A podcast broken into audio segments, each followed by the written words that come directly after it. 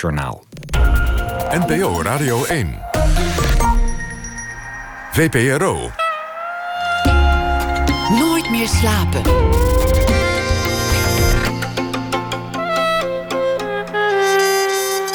Met Elvie Tromp. Welkom bij Nooit meer slapen hier op Tweede Kerstdag. In het tweede uur kunt u luisteren naar het vervolg van de documentaire Schrijft u dat maar gerust in uw krant. Met opname van het vlammende gesprek tussen Boudewijn Boeg en Gerard Reven. De uitspraken van Reven deden destijds zoveel stof opwaaien dat werd besloten dat het niet werd uitgezonden. Ja, in 1983 was censuur nog gewoon goede smaak. Straks heb ik ook schrijver en dichter Erik Jan Harmens hier in de studio. Hij schreef een column bij het jaar dat bijna ten einde is. En hij zal ook eens door mij bevraagd worden in de rubriek Open Kaart. Maar het komende uur zit tegenover mij rapper en zanger Typhoon. Hij bracht onder andere de albums Tussen Licht en Lucht uit en Lobby Dabassi. Die laatste plaat betekende zijn definitieve doorbraak. Hij werd huisband van De Wereld Draait Door en was publiekslieveling van alle grote festivals. Vanaf januari is hij weer op het podium te zien. Ditmaal niet met de hip-hop die hem groot maakte, maar met jazzy big band muziek. Samen met het Amsterdam Sinfonietta en de Vlaamse meesterpianist Jeff Neven. Typhoon, welkom. Dank je. Ja. Hoe gaat het met je? Ja, ik ga, het, eh, ik ga goed. Ik ga goed. Eh, een beetje eind van het jaar, eh, eind van het jaar blues wel een beetje. Dat je iets minder energie wel, wel hebt. Maar het gaat goed. Oké, mooi. Ehm, in januari ga je beginnen met big band muziek met Sinfonietta. Hoe, hoe, dat is heel iets anders dan hip-hop. Hoe is die transitie tot stand gekomen? Uh, twee jaar terug speelde Wende Snijder, Snijders met de Amsterdam Sinfonietta. En ik zag die show en ik vond het echt geweldig. Gewoon echt een van de mooiste shows die ik heb gezien in mijn leven. Dat, zo, dat, dat durf ik zelfs te zeggen. Wauw, wat vond je er zo mooi aan? Ja, uh, Sinfonietta is echt, echt super, super goed. ze zijn echt de wereld, wereldklasse. Uh, het is een enorm orkest, hè? Ja, strijkers. ja, ja, strijkers. Uh, um, en uh, de, ze zijn heel. Dus ze hebben geen dirigent. Ehm, Candida Thompson is de, die, die, die, leidt, die leidt hun eigenlijk, is als eerste violiste. zij zijn heel flexibel, super super begaafd allemaal. Maar het is allemaal één. En uh, ja, dat snijdt. En dan in combinatie met Wende natuurlijk. Uh, die, die ook uh, wereldklasse is. dus dat, dat, ja, dat overviel me eigenlijk. En dat kwam keihard binnen. En toen heeft Wende tegen uh, gezegd van... jullie zouden eens met uh, Glenn moeten gaan zitten... want volgens mij gaat dat een hele mooie match opleveren. en zo geschieden. Um, dus toen ben ik gevraagd. En eerst twijfelde ik wel een beetje. Dat ik dacht van ja, ik vind het te gek. Maar ben ik er klaar voor? Kan ik, kan ik dit? Weet je wel? Wat eh, waren je angsten? Dat je niet uh, goed genoeg was? Of? Ja, is, het is, ik zeg altijd als, als artiest uh, voel je op het ene moment God. En op het andere moment de gootsteen. en dat, dat, dat kan, kan binnen een paar seconden verschillen. De gootsteen zelf ook. ja, ja, ja, ja, precies inderdaad.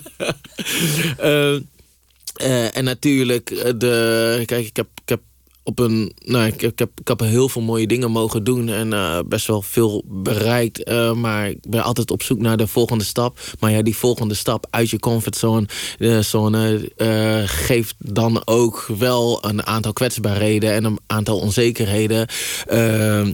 Kun je, ja, eentje, kun je me een voorbeeld eh, geven? kan, kan, ik, kan ik, ja, ben, ik, ben ik goed genoeg om, om, uh, om uh, met zo'n geweldig orkest of zo'n geweldig ensemble te spelen? maar dat herken ik ook, ook met, in combinatie met Chef Neven, die geweldig is. Maar dat ja, ken je ook van, nou ja, weet je, ik rap echt al zolang als ik. Als ik als ik uh, me, me, herinner, om het even zo te zeggen. Dus dat gaat zo gemakkelijk. Uh, en dan zijn er ja, nieuwe stappen. Een aantal jaar geleden deed ik dat met de New, uh, New Cool Collective ook. Ja, dat is ook spannend, weet je wel. New Cool Hoe Collective gaat dat? is ook al jazzmuziek, ja, toch? Ja, ja, precies. En dit gaat dan weer een stapje verder van wat ik ken. Echt de klassieke wereld. Uh, maar bij onze eerste samenkomst merkte ik al van... ja, we zijn allemaal verhalenvertellers en willen dat zo mooi mogelijk doen. En de liefde voor de muziek uh, staat voorop. En dat is zo mooi dat we daar, daar elkaar in vinden. En dan ja, bij de eerste repetitie, tranen, tranen stonden me op mijn wangen. Echt, het, ik vond het zo mooi. Neem even mee uh, dat repetitielokaal in. je zegt de tranen stonden in mijn wangen. Wat ontroerde je zo? Ja, het is gewoon zo. Ze spelen zo mooi. Zo mooi, zo, zo delicaat, uh, maar wel urgent. Uh, Wat bedoel je met urgent? Urgent is, je voelt dat ze uh, met, met, een, met een reden spelen, met een noodzaak spelen. Uh, ze spelen niet zomaar wat, wat, wat op blad staat, op een partituur staat. Uh, er, zit, er zit een, een, een drive achter, een passie en wat, achter. En wat is die noodzaak? Die noodzaak is om de meest mogelijk, uh, mooi mogelijke muziek uh, ever te kunnen maken op dat moment. Ja. Even om een hard onderscheid te maken: hip-hop is populaire muziek. Klassieke muziek is toch voor nou ja, een kleinere groep. Ja. Um, heb, jij, heb jij bewust die keuze gemaakt? Ik ga me nu specialiseren. Of heb je je afgevraagd van, of wil je juist de klassieke muziek naar een grotere groep brengen? Uh, nou, uh, allereerst, zij, zij, uh, zij doen dit al, al heel lang in, met een programma Breder dan Klassiek. Dus ze hebben nou, Wende, vorig jaar Rufus Wainwright. En dus zo hebben ze, elk jaar pakken ze een, een, iemand uit de, uit de lichte, lichte, lichte muziek, vragen ze erbij. ik denk dat ze nog nooit zo breed zijn geweest als dit jaar. zoveel breder dan Klassiek als dit nog niet eerder hebben gedaan. Want wat bracht jij aan de tafel? Nou ja, de, de, de, de hip-hop. De, de, de hip-hop lijkt best wel ver, ver van, ervan af te staan. Uh, hoe hip het is, bijvoorbeeld. Uh, nou, en de klassiek, uh, de, de, de, klassiek niet erg. Maar ik moet zeggen dat Sinfonietta dat op zo'n zo'n zo'n frisse manier doet. Dus dat je niet het gevoel hebt dat, dat, dat het maar voor heel weinig mensen is. We kunnen natuurlijk eindeloos praten over muziek, eh, maar we kunnen er ook naar luisteren. Je bent wereldberoemd in Nederland, maar er zijn altijd luisteraars die niet precies weten wat voor muziek je maakt. Um, dus ik stel voor om even een nummer te draaien van het uh, doorbraakalbum Lobby da Bassi.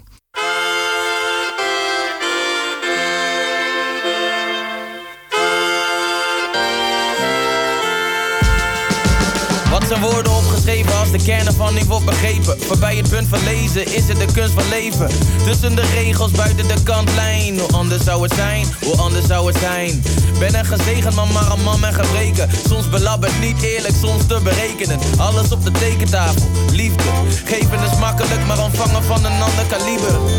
Je kent mijn streken en mijn kracht. Ken de muziek, de poëzie en wat het heeft gebracht. en ik ben dankbaar voor mijn lach. Als ik dat niet had, was ik depri of suicidaal. Ze zeggen doe normaal, man jezelf. Al gaat het goed, dit paradijs lijkt soms verdacht op een hel. Maar goed, ik sta versteld, sta stil en herinner me. Alles is er al van binnen. Als de hemel valt, de hemel valt. De druk op God wordt groter en ze draagt het allemaal. Maar als de hemel valt, zullen we het samen moeten dragen. En kunnen zij en Allah samen even weg. Misschien ben ik het domme jongen, maar mijn god, zeg maar waarom men zonne blijft verkondigen als liefde de bron is. Dat is geen brood, maar kruimels uit mensenhanden. Niet de jou of een zogenaamde duivel. Zeg, hoe is het nou, zo'n multispagaat? Er altijd zijn voor iedereen en alles, beetje zoals mijn eigen ma. Zij is toch goed voor deze wereld. We willen meer plus, door de crisis is iedereen skeren. En dan die eeuwige strijd. Klopt drama aan de deur is een lieder van de partij. Ja, ja, we willen ons gelijk opgehangen aan ideeën van het liefst één waarheid. Lieve, hoe zou het zijn? Even een break, deel ik het soms met de trein. Pootje baden in het universum, modderbad, verse koffie in de ochtendkrant. Als de hemel valt, de hemel valt.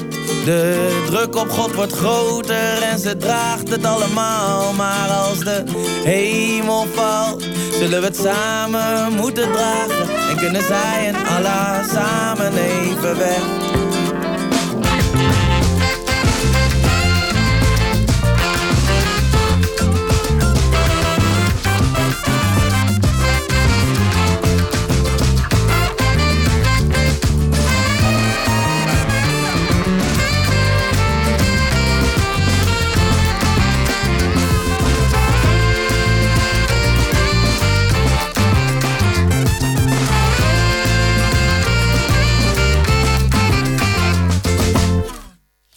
Zo, daar zijn we weer. Um, met Hemel valt hebben we net geluisterd van Typhoon.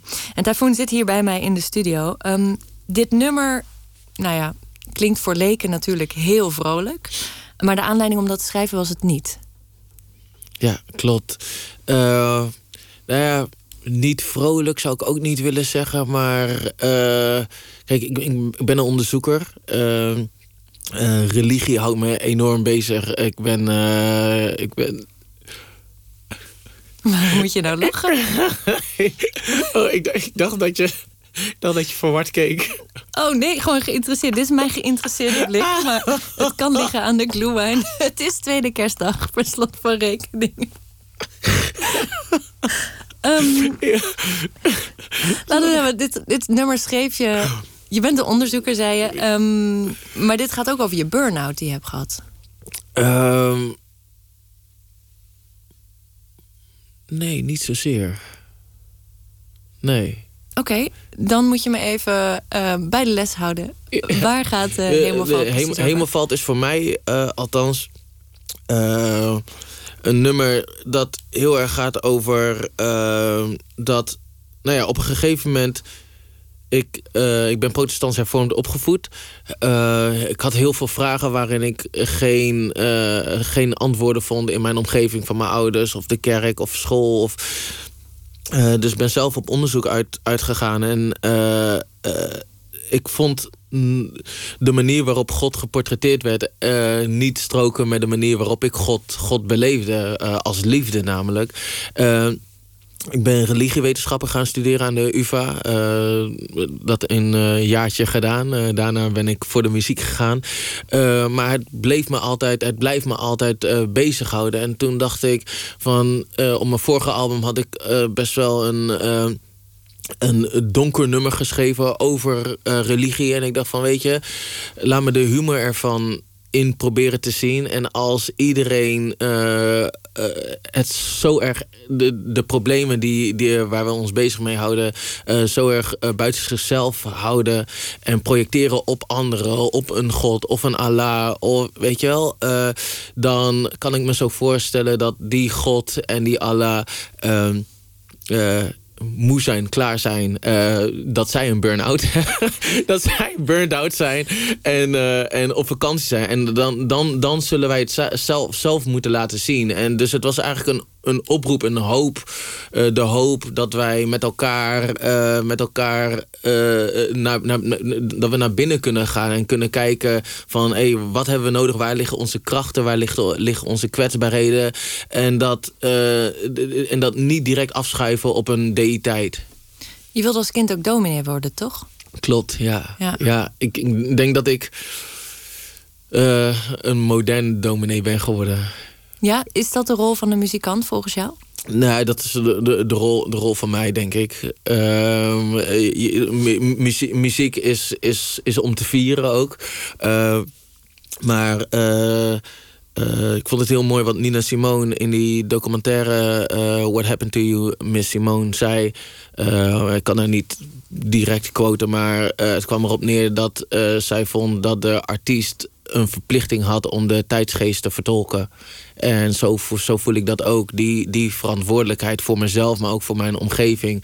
Uh, in, in de hip-hop noemen we het moderne straat, straatreporters eigenlijk. En dat is, wat ik, dat is wat ik doe. Ik probeer datgene wat ik voel in de wereld, in mijn eigen leven en om me heen, probeer ik te bundelen en dat te uiten. Uh, voor mijn eigen verwerking, maar ook in de hoop dat, dat mensen daar, uh, daar dat dat resoneert met andere mensen en, en dat we daar samen iets mee kunnen doen. Een dominee is ook een figuur die als voorbeeld dient, een inspiratiebron.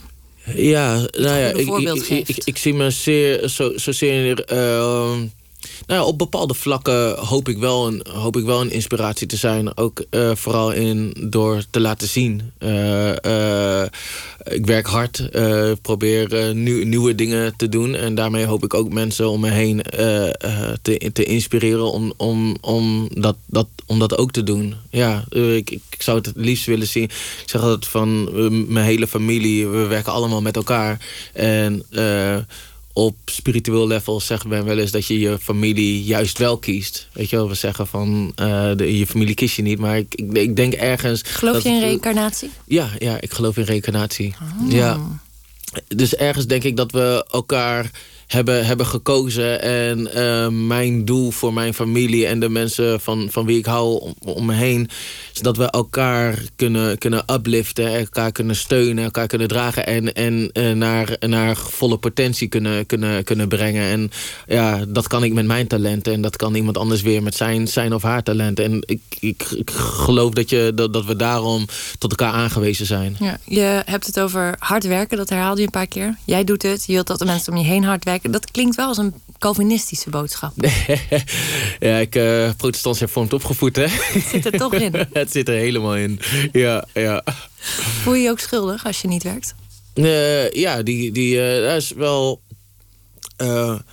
de afgelopen tijd kom ik erachter wat, wat schuld en schaamte binnen dat Calvinistische uh, gedachtegoed eigenlijk met ons uh, doen. Wat, wat, dat, wat het met mij doet. En hoe, waar, dat is een van de redenen waardoor ik ook wel eens wat hard voor mezelf kan zijn. En, en voor mijn omgeving inderdaad. Uh, maar door dat zoveel mogelijk te uiten en daar ook kwetsbaar in te zijn. Uh, in Van de regen naar de zon zeg ik, uh, zonder donker kan het licht zichzelf niet kennen. Ik geloof heel erg door te duiken in die, donk, in die donkerheid. dat, dat je daar juist je, je, je kracht weer gaat vinden. Maar het wegduwen, ja, dan krijg je het waterbedeffect. Weet je, wel? je duwt het op de ene plek in, maar op de andere plek komt het, komt het weer naar buiten. En, en vaak uh, veel, veel ongecontroleerder, weet je wel. En dat is. Uh, dat, dat, ik, ik hoop dat ik daar met de jaren wat beter mee om kan gaan. En misschien andere mensen daar ook mee kan, kan, kan inspireren. Maar tegelijkertijd ga ik ook elk jaar weer op mijn bek daarmee. Elk jaar weer mee op je bek? Ja, zeker. Het is iets wat je nog lerende bent? Ja, zeker. Ja. ja. Ik denk dat dat nooit stopt ook. Louis de Bassi komt uh, uit na een tijd van, nou ja, misschien wel duisternis in je leven. Uh, 2010, 2013, daar wil ik even naar terug. De jaren van je burn-out. Mm -hmm, daar komt hij weer om de hoek. Ja, hoe, um, hoe uitte die zich bij jou? Ontkenning. Niet doorhebben de, dat ik uh, zo hard bezig was met uh, met, met werk uh, een positie voor mezelf te verwerven. Uh, verderop komen. Uh, niet zozeer hoger opkomen, maar gewoon... Ja, ik ben altijd wel opgevoed met het, met, met het idee van, ja, weet je wel, je, je, je, je, je, zal jezelf, je jezelf moeten bewijzen. En dat, ja, dat, dat, dat, heb, ik wel, dat heb ik wel meegenomen. Ik voel, voelde daarin ook wel, uh, ik wil groeien. En het liefst vandaag nog, weet je wel. En uh, dus mezelf misschien te weinig ruimte daarvoor gegeven om te verwerken wat ik allemaal heb meegemaakt. En uh, waarin ik allemaal ben gegroeid. Ben je ongeduldig? Ik kan best wel, uh, ik kan best wel ongeduldig zijn, ja, ja. Vooral bij mezelf. Tegelijkertijd, nou ja, ik woon op een... Uh, ik woon ergens achteraf op een boerderijtje. En die, die rust, ik kan ook helemaal niks doen. En dat vind ik, dat vind ik heerlijk. En voor uh, mijn dierbaren kan ik juist heel veel geduld hebben. Maar bij mezelf ja, moet, blijft er altijd een bepaalde druk achter zitten. Ja, het lijkt me heel moeilijk als je jezelf als inspiratiebron of een voorbeeld voor anderen ziet. Um, nou, ik, om de dag niks te doen. Dat, dat, uh, dus ik, zou, ik moet dat denk ik wel een beetje nuanceren. Want uh, kijk, het is niet dat ik bedacht heb dat ik een inspiratiebron wil zijn uh, met, met hetgene wat ik doe uh, hoop ik dat zo goed mogelijk te doen. En als dat, en als, als dat anderen inspireert, dan, dan is dat heel erg mooi. Tegelijkertijd weet je, met dat je bekender wordt... met dat je, met dat je een grote platform krijgt... en een grote, grote publiek krijgt... en uh, reacties van mensen terugkrijgt... die een hele leven uh, op papier zetten voor je... Realiseer je dat je inderdaad wel een bepaalde invloed hebt. Ja, en dat, dat, dat kan ik niet, dat, daar kan ik niet helemaal los van staan. Maar het is niet dat ik dat ik die last op mijn schouders uh, dag in dag uitdraag. Nee, dat snap ik. Uh, het is natuurlijk ook een direct effect wat je hebt. Je staat op een podium en je ziet meteen wat je muziek teweeg brengt. dus dat is natuurlijk een prachtige interactie die je steeds meemaakt. Um, je zei, ik, uh, ik ontkende de burn-out. Ja. Ik bleef bezig. Um, maar dan is er een moment dat je het niet meer kan ontkennen. Wanneer was dat voor jou? Ja. Um, dus ik denk dat toen ik er... Dus ik had gewoon niet door dat ik, dat ik in een burn-out zat. Uh, en dat heeft zo lang geduurd. En tegelijkertijd was mijn situatie... Nou ja, geen, geen geld, uh, schulden, uh, geen eigen huis. dus ik, ik, kende maar één modus. En dat was, dat was eigenlijk overlevingsmodus. Um, dus ik moest ook wel door van mezelf. Mm. Dus pas later had ik door dat hey, die, als je erover leest of uh, mensen je bepaalde dingen zeggen, dat je denkt van hé, hey, die symptomen die had ik eigenlijk ook. En dan pas kom je erachter dat dat een burn-out was. Toen dacht ik gewoon dat ik, dat ik een liefdesverdriet had en gewoon even niet meer wist wat ik met mezelf aan moest. Maar ja, het, er was dus meer aan de hand. welke symptomen had jij?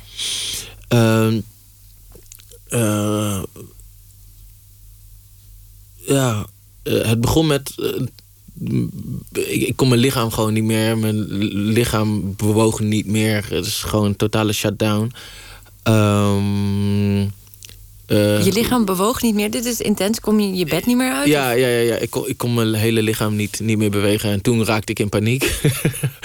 uh, ja, ik lach er nu bij, maar het is helemaal, niet, even, uh, helemaal niet grappig neem, natuurlijk. Was het een geleidelijk uitval? Was, neem even terug naar dat moment. Nee, het, ik, ik werd wakker. Ik werd wakker en toen wilde ik opstaan, maar mijn lichaam, mijn lichaam die, die, die reageerde gewoon niet. Even, eh, we zeiden op de radio, dus schets het beeld voor ons. We kunnen alleen naar je luisteren. Waar, waar was je? Waar lag ik, je? Ik was uh, uh, op, mijn, op mijn kamer, ik, of in, in, mijn huis. Ik had een matras op, op, de, op de vloer. En ik kwam terug van een reis. En daarvoor had ik opgetreden. En toen ik terugkwam van die reis, toen had ik ook weer optredens. En toen was het zondag en wilde ik opstaan. En ik voelde gewoon, ja, mijn, mijn, mijn, mijn benen bewogen niet. Mijn lichaam, ik wilde opstaan, maar het, het, het, het, het lukte gewoon niet. En uh, nou ja, eerste, uh, eerst, eerste wat je denkt is, ben, ben, ik, ben ik verlamd. Uh, nou, het tweede ding is direct paniek. En toen belde ik mijn zusje op en die heeft me naar, naar de eerste hulp gebracht. En toen, toen hoorde ik, toen kreeg ik spierverslappers. Uh, en toen hoorde ik dus van ja, je, ja, je bent, bent, uh, bent, bent, bent overspannen. Ben je iemand die zo in paniek raakt en dan alles naar buiten gooit of juist naar binnen slaat? Naar binnen sla, ja. Dus hulp, hulp accepteren is dan juist moeilijker. Ja, ja, is juist lastiger. Maar je hebt het wel gedaan. Ja, dus mijn, mijn, mijn, mijn familie wel, hè. Ja, die staat zo, zo dichtbij, vooral mijn zus. Ja, die staat zo dichtbij. Dus, dan, dus je weet dat je het zelf niet kan oplossen. Want in eerste instantie probeer je natuurlijk zelf op te lossen. Maar als je weet van ja, het, het, het lukt me niet meer. Ja, dan, dan, dan uh, wijk je uit naar, naar, naar familieleden. Ja, ik wil het ook even hebben over je familie. Um, je hebt een heel hecht gezin, zoals je zegt. Mm -hmm. jullie zijn opgegroeid in Veluwe, in het Harde. Mm -hmm. was je een buitenspeelkind? Ja, ja we woonden vlak over het spoor bij de militairen. Mijn vader was een militair. Hij is nu met, pen, met, met pensioen. maar ja, aan de bosrand op de Veluwe was, was geweldig. Dus altijd buiten spelen, ja. Prachtig. Um, en een muzikaal gezin. Ja, klopt ook. Um, je vader speelde uh, saxofoon en gitaar. Je moeder zong. Mm -hmm. uh, je zus heeft gezongen. Mm -hmm. ze is nu je manager. Ja. je broer heeft je aangezet tot rap. Is zelf ook rapper. Ja. Blackstar. het deed mij een beetje denken aan de Von Trapp Family.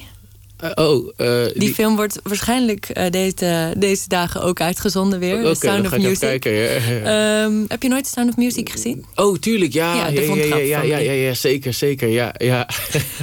Is die vergelijking een beetje terecht? wow. Gaat die scheef? Um, moest even schakelen hoor. Ik, ik hoor meestal uh, de, de Jacksons of zo. Uh, dus uh, van, van, van Trap is, is, is, is een leuke nieuwe.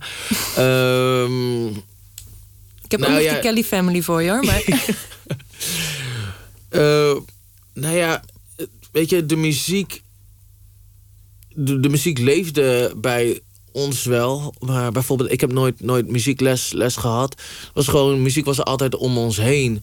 Maar uh, uh, mijn broer, mijn oudste broer Kevin, doordat hij ging rappen pas toen ging het echt voor mij, voor mij, uh, voor mij leven eigenlijk. Dus ik, ja, het was er altijd. Muziek, uh, Otis Redding, Surinaamse muziek. Uh, mijn moeder altijd in een koor, mijn pa in een, in een, in een, in een orkest. dus ik heb daar altijd wel van genoten. Maar het was niet alsof we allemaal muziek met elkaar maakten uh, in de woonkamer of zo. Nee, geen Kelly Family? Nee, totaal niet. En ook geen drillpraktijken zoals bij de Von Trapp nee, Family... waar wij ze allemaal op een rijtje moesten Mijn, mijn, uh, mijn pa die, uh, wilde liever dat we, dat we voetbal, voetbalhelden werden. Profvoetballer, ja, ja die, die, die, die vonden we mooi. We, we hadden allemaal wel een beetje talent. Mijn oudste het meeste. Um, dus uh, met dat we uh, stopten met voetbal en op een gegeven moment ja, in, de, in de muziek gingen, dat, dat, dat vatten ze ook niet.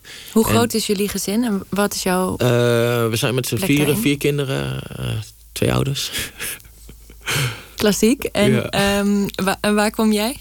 ik ben de derde. De derde? Ja. ja. Oké. Okay.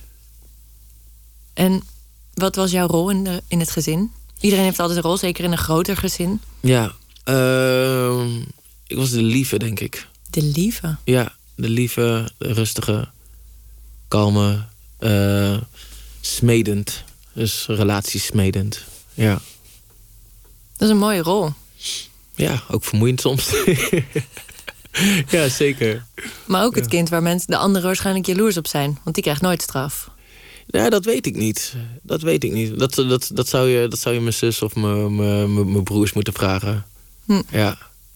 Ja, bij mijn gezin was het zo dat mijn zus was altijd degene die het altijd goed deed. Dus die noemde ik dan ook de heilige paus. Ja, ondertussen. Ja, precies inderdaad. Ja, ja, ja zo, zo, uh, zo was ik ook wel. Hoor. Ik, ik, ik leek lief. Mm. Ja, ja. ja.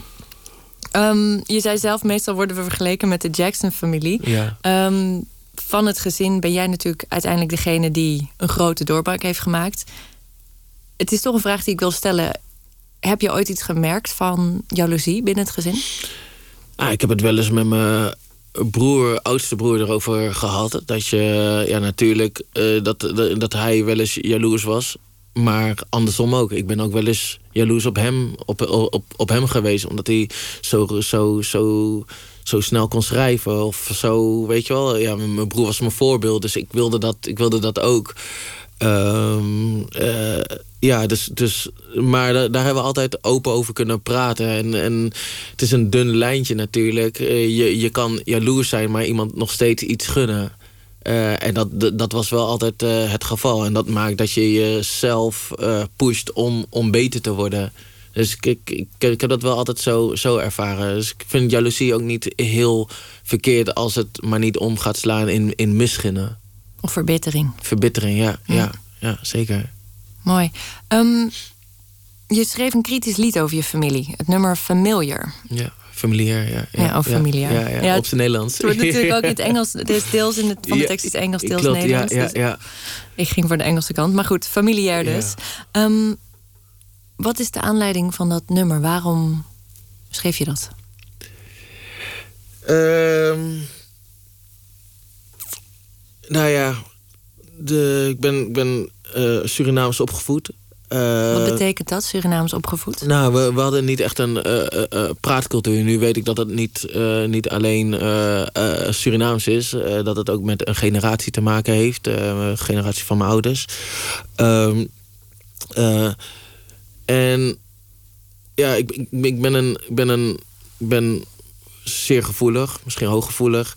Uh, op emotioneel vlak uh, zat er een heleboel dingen, dingen vast bij mij die, ik niet kwijt kon. En terwijl ik wist dat het niet, nou ja, je, je, je, je hangt de vuile was niet buiten vond ik het toch belangrijk om op mijn manier... zonder mijn gezin te beschadigen... toch eerlijk te gaan praten over wat mij bezighoudt. Omdat ik dacht van ja, als we er nooit over praten... dan, dan, dan komt er ook geen verbetering in. En dat was eigenlijk de reden. Kijk, elk huisje heeft zijn kruisje. Maar als je daar niet over kan praten... dan, ja, dan gaat het ophopen. En dan... Ik, ik, vond, ik, vond, ik vond mijn familie te... te te belangrijk, weet je wel, om, om dat zomaar te, te laten. En dat was al op, op, op jonge leeftijd. Er zijn natuurlijk schrijvers die hele romans schrijven over ongelukkige jeugd of mm vervelend dominante ouders. Um, hoe pakte jij dit aan uh, met dit nummer? Heb je ze van tevoren gebriefd of heb je gezegd gewoon de reactie afgewacht nadat het uitkwam? Ja, eigenlijk wat ik altijd doe, ook, ook met uh, de latere projecten en uh, mijn albums. Um, ik schrijf wat ik wil schrijven. En dan uh, voordat het uitkomt, licht ik mensen in. Ik vraag ze niet om toestemming, maar ik licht ze wel in van hé, hey, dit nummer gaat over jou en daarom en daarom heb ik het geschreven. Ja, ja ik denk dat dat ook wel de vrijheid is van de kunstenaar. Ja, dat denk dat ik je die ook, moet ja. nemen. Ja, zeker. Wat heeft dat nummer teweeggebracht in jouw gezin? Dat was de eerste, dat was uh, mijn eerste single eigenlijk. Ja, je schreef het in 2004? Ja, 2004 inderdaad, samen, samen met Senna, samen voor Made in the Shade, wat later uh, uh, MC-theater MC -theater werd. is er nu niet meer. Maar ja, door door het geloof van onder andere hun ook... Uh, uh, ja, kon ik een videoclip uh, maken. Gemaakt door Hesdy Lonswijk ook nog eens. Uh, Rotterdamse filmmaker. Ja, ja, ja, ja. Dus ja, dat, dat, dat, was wel een beetje de lancering van mijn... en de geboorte van mijn stijl ook wel. Want ja, ik ken niet heel veel rappers... die zich zo kwetsbaar op durfden te stellen binnen die rap. Maar ja, ik, ik, ik kon niet anders meer. Maar je zegt net zelf, uh, eigenlijk uh, doe mij niet aan de vuile was buiten hangen. Mm -hmm. En jij werd er dus eigenlijk groot mee. Ja, ja en dat werd bij me in eerste instantie niet, niet in dank afgenomen. Maar ja. Hoe, hoe, uh, hoe uitte zich dat? Nou ja, ehm, van mijn ouders kreeg ik wel te horen dat, dat, dat, dat, ze dat, dat ze dat moeilijk vonden. En was dat nou nodig, weet je wel? Hoe gaat zo'n gesprek? Zit je dan aan het zondagsdiner? of bellen ze je en zeggen ja, ze, luister eens? is 13 jaar geleden, dus dat, dat, dat, dat, weet ik niet meer. Maar ik herinner me wel dat dat gewoon... ja, dat, dat vonden ze moeilijk. En ik denk ook dat ze nog niet helemaal begrepen waar uh, Kevin en, en ik mee, mee bezig waren qua, qua muziek. Pas later, toen ik uh, nou, in 2004, eind 2004, won ik de Grote Prijs van Nederland. En dat was voor het eerst dat ze begrepen wat die muziek voor mij, voor, voor, wat die muziek voor mij betekende. En dat ik, dat ik, dat, dat, ik niet slechts alleen hobbyist was, maar dat ik, dat ik er ook goed in was, weet je wel. En dat, dat zorgde er wel voor dat ze opener werden. Is die, ja, dat wou ik vragen. Is de dynamiek nu veranderd in Ja, enorm. Mijn, mijn, mijn, mijn pa is mijn grootste, grootste, grootste fan. En hij, hij, hij ja, vandaag toevallig niet, maar meest, meestal rijdt hij mij naar optredens toe ook. En uh, mijn moeder zorgt, zorgt op de achtergrond heel goed voor me en vinden dat allemaal, allemaal, allemaal prachtig, weet je wel. En uh, ja, het voelt, voelt heel fijn aan dat we juist door die openheid ook... Uh, en dat, nou ja, ik heb dat nummer geschreven, maar mijn broer bijvoorbeeld... ik heb wel eens gezegd van hiphop, hiphop heeft ons gezin gered... Uh, de warmte van, van de hip-hop, de connectie uh, die we daardoor voelden. Uh, het begrip dat we daardoor voor elkaar hadden door de muziek heen. Ja, ik vind dat, vind dat prachtig dat, dat muziek dat kan. dat, dat, dat muziek dat kan, kan, kan voortbrengen. dat, dat we elkaar daardoor beter begrijpen binnen het gezin. Ja, je komt uit een muzikaal gezin, een gelovig gezin. En een heel hecht gezin. Ja. Wat ook nu tot op de dag van vandaag heel belangrijk ja, voor je is. Ja, ja, ja. Um, het lijkt me wel moeilijk om. om um, je bent natuurlijk wel altijd met, met de mensen die, die, die je kennen, waardoor je nooit echt uit de band kan springen. Nee, dat is niet zo hoor. Nee? nee, nee dat spring je is met je medeband uit? ja, kijk. Uh, uh, mijn, uh, mijn zus is gekker dan ik. Mijn middelste broer, Earl Randall, is, is veel, veel gekker dan ik. Dus de, we, we, zijn, we zijn allemaal heel, heel eigen. En weet je, mijn pa begrijpt heel goed van... ja, weet je wel, ik neem je mee naar de optredens toe. Ik ben wel mezelf. En de mensen met wie ik ben ook heel erg. En die vinden dat ook, ook prettig. Dus ik zal, zal mezelf niet... Wel met respect natuurlijk, weet je wel. Maar ik, uh, ja, hij krijgt genoeg mee. Uh, hij krijgt genoeg mee van ons ook. Ja. Want neem me even mee backstage. Hoe, hoe is het bij een, uh, een gemiddeld gesprek, concert? dit, is een, dit is een kans die natuurlijk vrij weinig mensen Ja. krijgen. Wordt er, wordt er veel um, gerookt, gebruikt? Of is het juist heel rustig en netjes Dat is, en enorm blauwe M&M's? Een enorm doophol. nee, nee, nee, nee, nee, totaal niet zelfs. Totaal niet. Nee, we, we zijn eigenlijk best wel, best wel rustig. Iedereen is best wel, iedereen is best wel uh, kalm. We, ja, we praten gewoon. Ja, het is helemaal niet zo, rituelen zo, zo, zo voordat je het podium opgaat? Ja, nou, we, we een kwartier van tevoren of uh, half uur van tevoren ligt even aan, aan het schema. Uh, komen we bij elkaar en dan zeg ik ook van oké, okay, even focus, de bandbespreking. En ook al is het is het, spelen we twintig keer dezelfde set. elke keer weer opnieuw de, de, de, ja, de, de, de, de, de, uh, de scherpte erin uh, krijgen. Dus van oké, okay, uh, eh, eigenlijk zoals een coach. Elke, het klinkt heel zakelijk. Nee, het is, het is, juist, het is juist heel erg. Het is, het is heel erg nodig voor, de, voor de focus. Weet je, we, je, je, je, je speelt wel op een, op een, op, op een bepaald level. Ik, ik, ik heb veel geleerd van, van, van, van topsport, van, van trainers. En uh, ja, ik, ik neem dit wel heel erg heel, uh, heel, heel serieus. Maar juist daardoor uh, kan je ook het plezier erin hebben dat we hebben op het podium. Maar dat, dat gaat niet vanzelf. Daar zit wel een bepaalde coaching bij ook. dus je begint altijd met van waar zijn we mee bezig? Wat gaan we doen?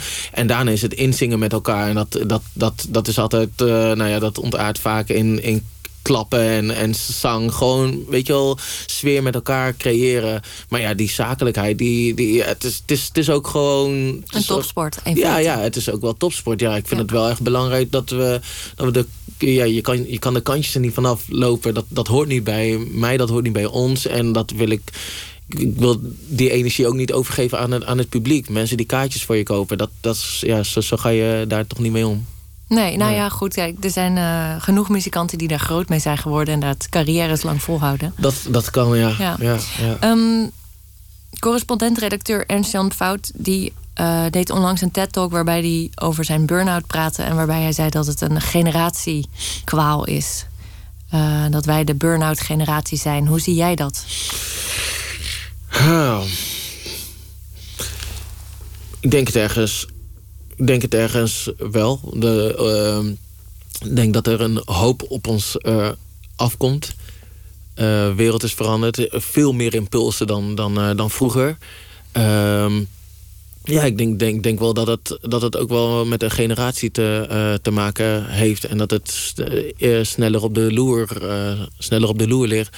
Want onze generatie wil ook heel veel ja, hij, hij noemt het uh, de kwaal van de prestatiemaatschappij. Ja, dat, dat, dat, uh, dat, en dat herken ik heel erg. Ja, heel erg.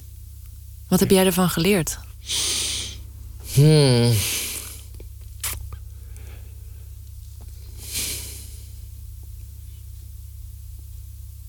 Nou, om heel eerlijk te zijn. Ja, je, je, raakt, je raakt wel de juiste snaar. Dit zijn de momenten waar, eh, waar de interviewer in, in zijn handjes ja, ja, precies, inderdaad. Maar, ja, ja ik, ik, ik, zit, ik zit nu wel weer, uh, weer op een bepaald punt dat ik denk van ja, uh, nog, nog even. En het, en, het, en het knapt wel. Dus ja, wat heb ik ervan geleerd? Ik kan het, kan het herkennen. Ik ben, ben, ben wat ouder nu ook.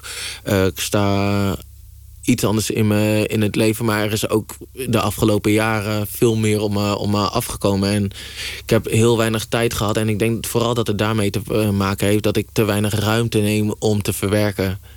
Uh, uh, en daarom zonder ik me veel, veel af. En ik denk dat ik daar nog wel beter in kan worden. Ja. In afzondering? Nee, in, het, in, het, in de ruimte nemen om te verwerken.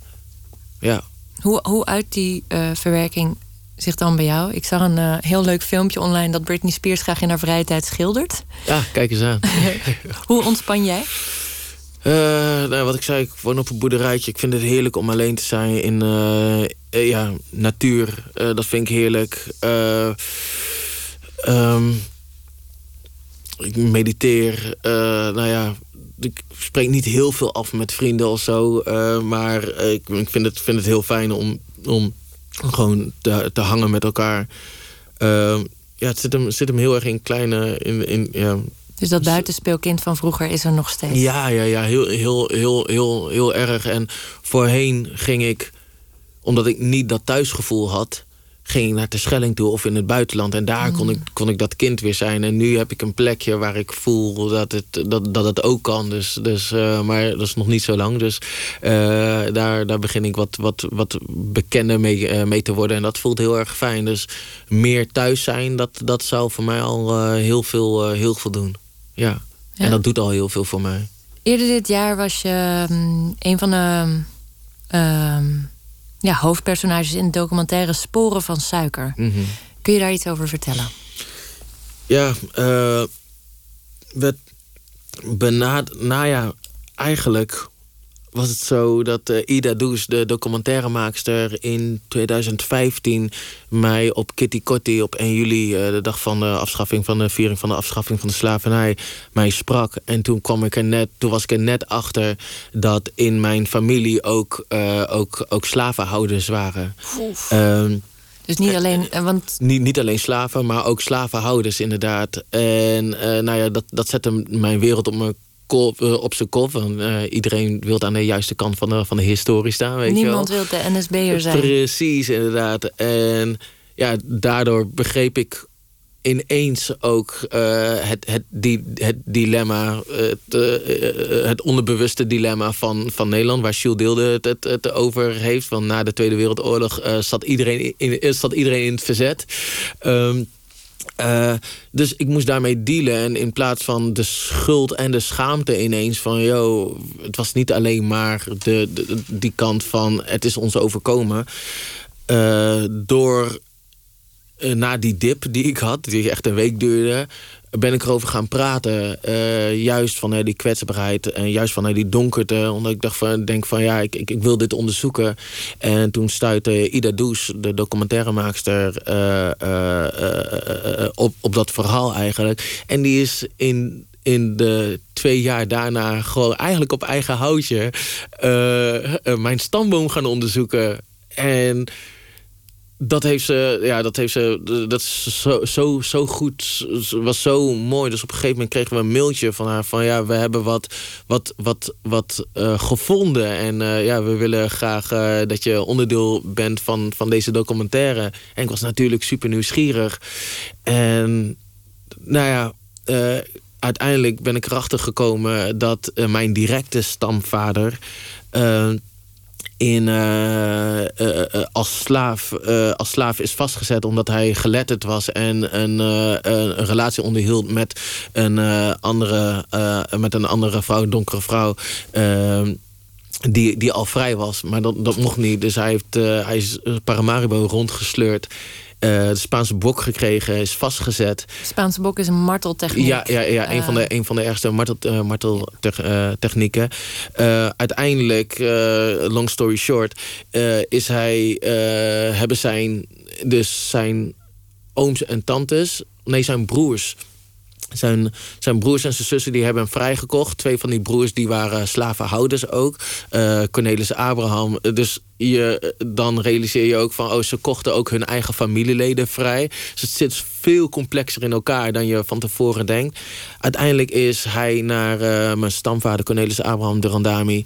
Uh, is naar Boston gegaan en is daar in het, in het verzet gegaan... Uh, tegen de slavernij. En naast David Walker, dat die een van de grootste... Ehm, black activists was... zat hij samen in huis als... yes, hij was de huisgenoot van David Walker... en hij was een erelid van de Prince Hall, ik moet het even goed zeggen, Prince Hall Freemasonry. Dus van slavernij naar zo'n voorvechter en zo'n strijder en revolutionair. Dus beide kanten, of alle kanten kom je, kom je tegen. Dus ik ben heel erg blij dat ik daar open over heb durven te zijn. Want ik, ja, ik, en, en ik was laatst in Boston voor die documentaire uh, uh, over Martin Luther King. En daar zijn we bij het graf van zijn vrouw, die in 1825 overleden is. Die documentaire zeg je, dit, dit is een nieuw project. Ja, dat had ik eigenlijk even, even beter moeten introduceren. Um, ja, ik ben uh, naar uh, de States gegaan. Ik ben net terug uh, in samenwerking met ICU Docs. een, um, documentaire om te kijken, om te onderzoeken wat er over is gebleven van de, Martin, van de droom van Martin Luther King. En die documentaire die komt uit in april in vier delen bij de NPO. Wat deed je in Amerika? Één onderzoeken wat, wat, eh, wat, uh, ja, wat de huidige staat eigenlijk van, van, van, uh, van Amerika is. Uh, de Black Lives Matter movement. ik wilde duiken in de burgerrechtenbeweging. geleid door Martin Luther King ook. maar ook verder gaan op datgene wat we wisten vanuit de documentaire van uh, Sporen, Sporen van Suiker. En namelijk dat mijn stamvader, uh, Cornelis Abraham de Randami... uiteindelijk in Boston is, terecht is gekomen en zich daar enorm heeft ingezet... tegen, tegen de slavernij en daar echt een vooraanstaande, vooraanstaande zwarte activist ook was. Hoe gaat het nu met Amerika? De ik heb een heleboel inspirerende mensen ontmoet. Dat ga je ook zien in de documentaire. Ehm, heel veel vriendelijkheid, heel veel warmte. En tegelijkertijd voel je en hoor je dat het systeem uh, dat boven de mensen hangt en uh, daartussendoor, daartussen, tussendoor uh, meandert, zo zo disrupted is eigenlijk. Zo, zo, zo, zo, zo verstoord is. Zo, uh, we zijn in... Nou ja, de segregatie is over. Maar als je mensen vraagt die in de tijd van de burgerrechten, van, van de civil rights movement, echt, echt uh, uh, daar, daar, daarvoor, daarvoor hebben gevochten, dat hebben meegemaakt, dan hoor je van ja, zoveel is er helemaal niet echt veranderd. Ik bedoel, die segregatie is, ja, uh, je kan niet stemmen, kan nu in dezelfde de, de, de restaurants, uh, kan je, hoef je niet meer achterin te zitten, in de bus niet meer.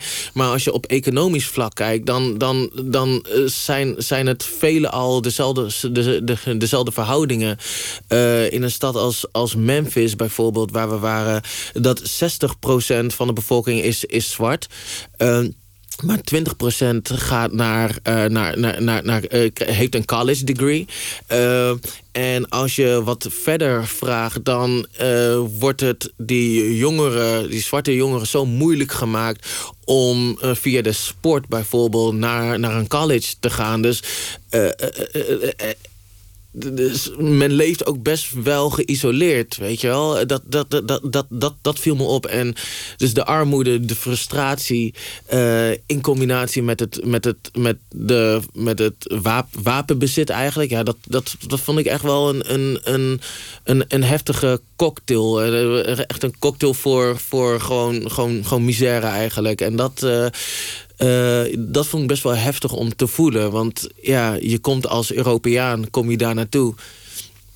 En je probeert, je probeert dingen te begrijpen. En dan merk je van ja, dit is waar zij in leven. Dit is hoe ze leven. En hier maken ze het beste van. Uh, uh, ook, al, ook al hebben ze met zoveel, zoveel heftigheid te maken. Zoals ook police brutality. Uh, maar ja, het is wel hun realiteit en daar moeten ze mee, mee, uh, ja, daar, daar, moeten ze mee, mee leven. Dus dat vond ik best wel uh, intens eigenlijk. Ja, er kan natuurlijk geen grotere breuk zijn tussen Barack Obama en daarna Trump. Ja. Um, ik ben zelf twee maanden in New Orleans geweest mm, dit jaar. Ja. En um, ik merkte dat het activisme op elk niveau... Um, um, aanwezig was. Ja. Dus mensen zaten zelfs um, protestborden in hun voortuin, ja, weet je, waar anders de rozen stonden. Ja, um, Denk je dat, dat er een nieuwe revolte komt, dat er nieuw activisme zal opstaan? Ja, er, er, is al sprake van, van nieuw, nieuw activisme. Als ik, uh, als ik zag hoezeer na de uh, rellen van Charlottesville... waar een demonstrant is, is omvergereden door een, uh, een, een nationalist... Um, dat, dat blank en zwart bij elkaar komen en zich voelen van ja, maar in, in zo'n stad willen wij niet leven, in zo'n land willen we niet, niet, niet leven. Dus uh, jongeren gesproken die uh, uitspreken: We won't go down without a fight. Ja, super heftig. Maar er is daar wel wat, daar wel wat gaande. Mensen leggen zich er niet zomaar bij neer. Dus, dus dat, dat was wel weer inspirerend om te zien. En daarin denk ik dat de droom van Martin Luther King in ieder geval de vastberaden, zijn vastberadenheid en zijn strijdvaardigheid, dat dat inderdaad nog voortleeft. Ja. ja. Um, je bent zelf ook een, een veelgevraagd spreker op activistische podia. Je hebt je uitgesproken in het Zwarte Pieten-debat. Mm -hmm. tegen etnisch profileren bij de politie. Um, hoe kijk je nu door deze ervaring in Amerika naar Nederland? Hoe hoe staat het ervoor in Nederland met het ja, racisme-debat misschien wel? Ja, ik denk dat, kijk, in, in de States is alles veel extremer en veel heftiger. Uh, maar af en toe uh, af en toe kan ik echt triest worden van het culturele besef, van het cultureel-historische besef in Nederland. Dat groeit gelukkig wel, uh, per jaar ook, per, per uh, het lijkt uh, per, per, per, per intocht van Sinterklaas bijna. Um, dus het, het groeit wel, maar ik merk wel dat, dat, dat uh, op een gegeven moment, uh, en ik ben blij dat dat inzichtelijk in ieder geval wordt, dat als we het hebben over racisme in Nederland, dat uh, ik niet zeg dat jij een racist bent, omdat je, omdat je misschien wel pro-Zwarte pro Piet bent. dus dus ik, ik merk dat we dat we elkaar niet meer, uh, dat we elkaar niet meer verstaan. We, we, we, we, willen het wel, maar het wordt telkens, telkens heftiger. Je gaf, uh, je, je, gaf zelf ook aan, de, de, de toon is enorm, enorm, enorm verhard uh, bij mensen online ook. Ja, dat hadden we e-, eerder in een gesprek. Oh ja, ja, oh ja voor, ik werk natuurlijk ook als columnist, dus dat, dat, dat wekt wel reacties op. Um, wij zijn niet racistisch in Nederland, maar onwetend, heb je eens gezegd. Uh, ja. Is dat zo? Nou, ik, ik, ik, geloof echt wel dat er racisten en racisme in Nederland uh, is. En dat veel, veel gebaseerd kan zijn op onwetendheid. Uh, ja, dus, dus, maar inderdaad, om soms het gesprek opener te houden, uh, benadruk ik liever dat, uh, dat, uh, dat ik je niet aanval als, als, als we het over racisme hebben, als we het over Zwarte Piet hebben. Terwijl, ja, soort van mijn, mijn, mijn standpunt is daar, daar, daar, daar helder in. Dat, dat, je, je kan, als je dat cultureel-historische besef heb, kan je niet met droge ogen uh, uh, een Zwarte Piet goed, goed, goedkeuren, naar mijn mening. Maar tegelijkertijd wil ik wel open blijven staan en in gesprek blijven en zorgen dat we, dat we elkaars kaders in ieder geval begrijpen. En ik denk dat als je elkaars kader probeert te begrijpen, is er perspectief. Dat perspectief kan zorgen voor begrip. En op een moment dat het van mensen, uit, van mensen zelf komt, uh, die, die, die, die beweging... dan denk ik dat het uh, veel meer waard is dan uh, af en ik, ik bedoel, zonder, zonder een Martin Luther, zonder een Malcolm X had Martin Luther King niet kunnen bewerkstelligen wat, wat, wat, wat met de Civil Rights Movement is, is gebeurd en vice versa, weet je wel. Dus alles voor, voor, voor, mij, uh, voor mij is er niet maar één manier. Maar ik denk wel dat uiteindelijk uh, we door elkaar kaders te begrijpen... en te investeren in die kaders ook. Uh, en dat gebeurt gelukkig beetje bij beetje. maar we zijn, we, we, zijn, we, zijn, we, zijn, we zijn er nog niet met elkaar. Dus je kiest weer voor de rol als verbinder en als lieve jongen. Net als in het gezin. Um, ja, het heeft, heeft ook met als je iets wilt bereiken, misschien, misschien ben, ik, ben ik wel heel erg strategisch. als, je, als, je iets wilt, als je iets wilt bereiken en je voelt en ziet dat mensen. Uh, en je voelt en ziet dat mensen van zich enorm aangevallen worden. En door, uh, door die defensieve houding niet meer kunnen luisteren.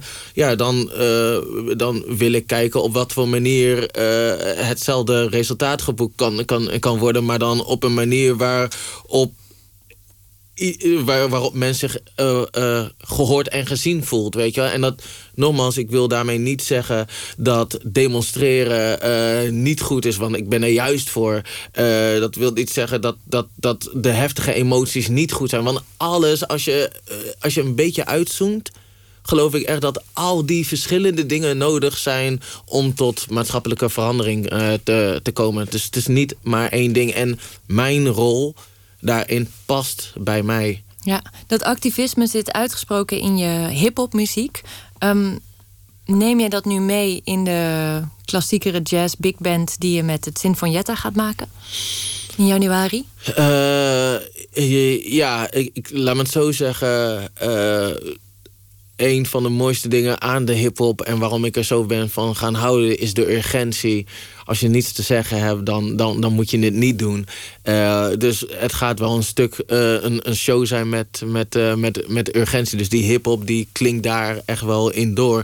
Al zou je misschien niet heel concreet een, een, een, een, een, dikke beat, een dikke beat horen, om het even zo te zeggen. Hoe, hoe, de, maar hoe dan? in het activisme, in de teksten? ja, dus nou ja, we, van, van de regen naar de zon zullen we doen we, uh, de, mijn inspiratie van Martin Luther King... en vooral de radicalere kant van Martin Luther King. Want dat, dat, dat, dat vergeten we vaak. Dat Martin Luther King gewoon echt als een radicale man werd, werd, werd gezien. Net als een, een Nelson Mandela... die nu ook, ook uh, uh, nou ja, een heleboel mensen in de States zeiden... they sanitized his, his, his image. En ik, vond het zo mooi, want inderdaad... Het, Martin Luther King is cleaner geworden. Alsof hij alleen maar de man van de I a Dream was... terwijl hij keihard streed voor de gelijkheid in de samenleving. En niet alleen voor zwarte mensen, maar, maar voor, voor iedereen. En op het moment dat hij erachter kwam... hij zei letterlijk... Uh, we, we, we, we gain our rights uh, on a bargain level, on, on a bargain rate. Dus hij realiseerde zich dat, dat, het, dat het voor een appel en een ei was.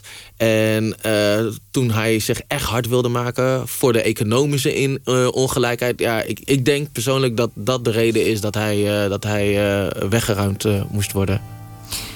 Typhoon, ik wil je heel erg hartelijk bedanken voor dit gesprek. We hebben helaas niet meer tijd, maar uh, ik weet zeker dat uh, je nog veel meer te vertellen hebt en, hebt en dat we dat de komende jaren zullen mee gaan maken. Dank je wel. Zeker, dank je wel. Na ene kunt u luisteren naar het tweede deel van de documentaire. Schrijft u dat maar gerust in uw krant... met opname van het controversiële gesprek uit 1983... tussen Boudewijn Boeg en Gerard Reven. De uitspraken van Reven deden destijds zoveel stof opwaaien... dat de banden tot voor kort in een kluis werden bewaard. En straks heb ik hier in de studio schrijver en dichter Erik Jan Harmens. Hij komt op bezoek en leest een column voor over het jaar dat bijna ten einde is. En hij is ook mijn gast voor de rubriek, rubriek Open Kaart. Maar nu eerst het nieuws.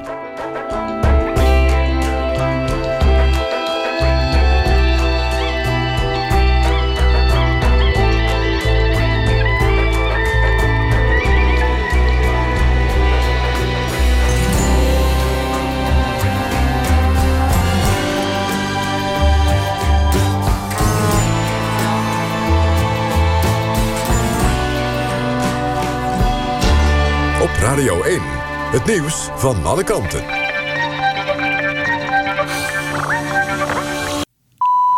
Eén uur, Christian Bonenbakker met het NOS Journaal.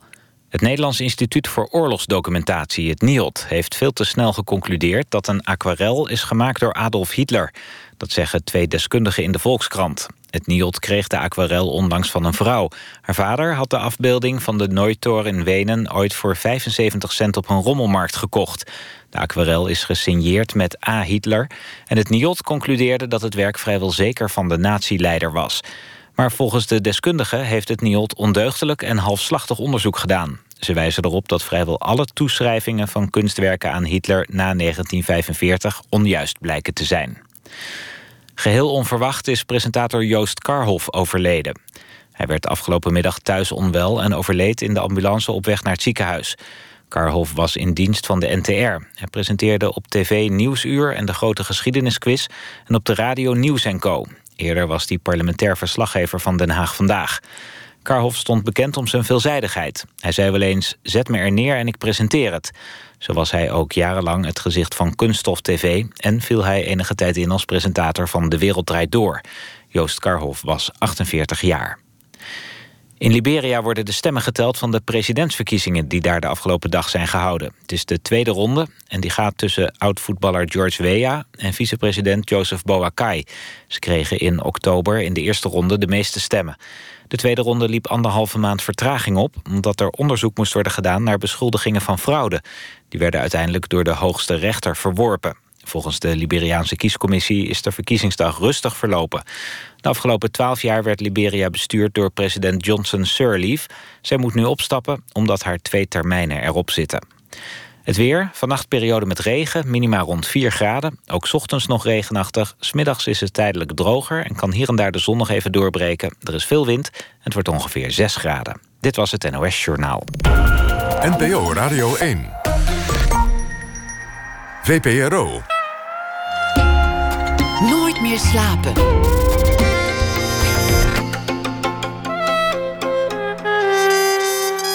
Met Elvie Tromp.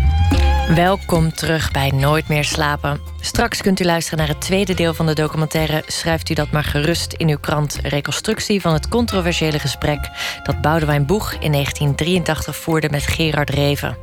Maar we beginnen dit uur met een schrijver die voor ons terugblikt op het jaar 2017. En vandaag doen we dat met schrijver en dichter Erik Jan Harmens, die straks ook vragen zal beantwoorden in de rubriek Open Kaart. Van Erik Jan Harmens verscheen dit jaar zijn derde roman, Paul, over een man met autisme.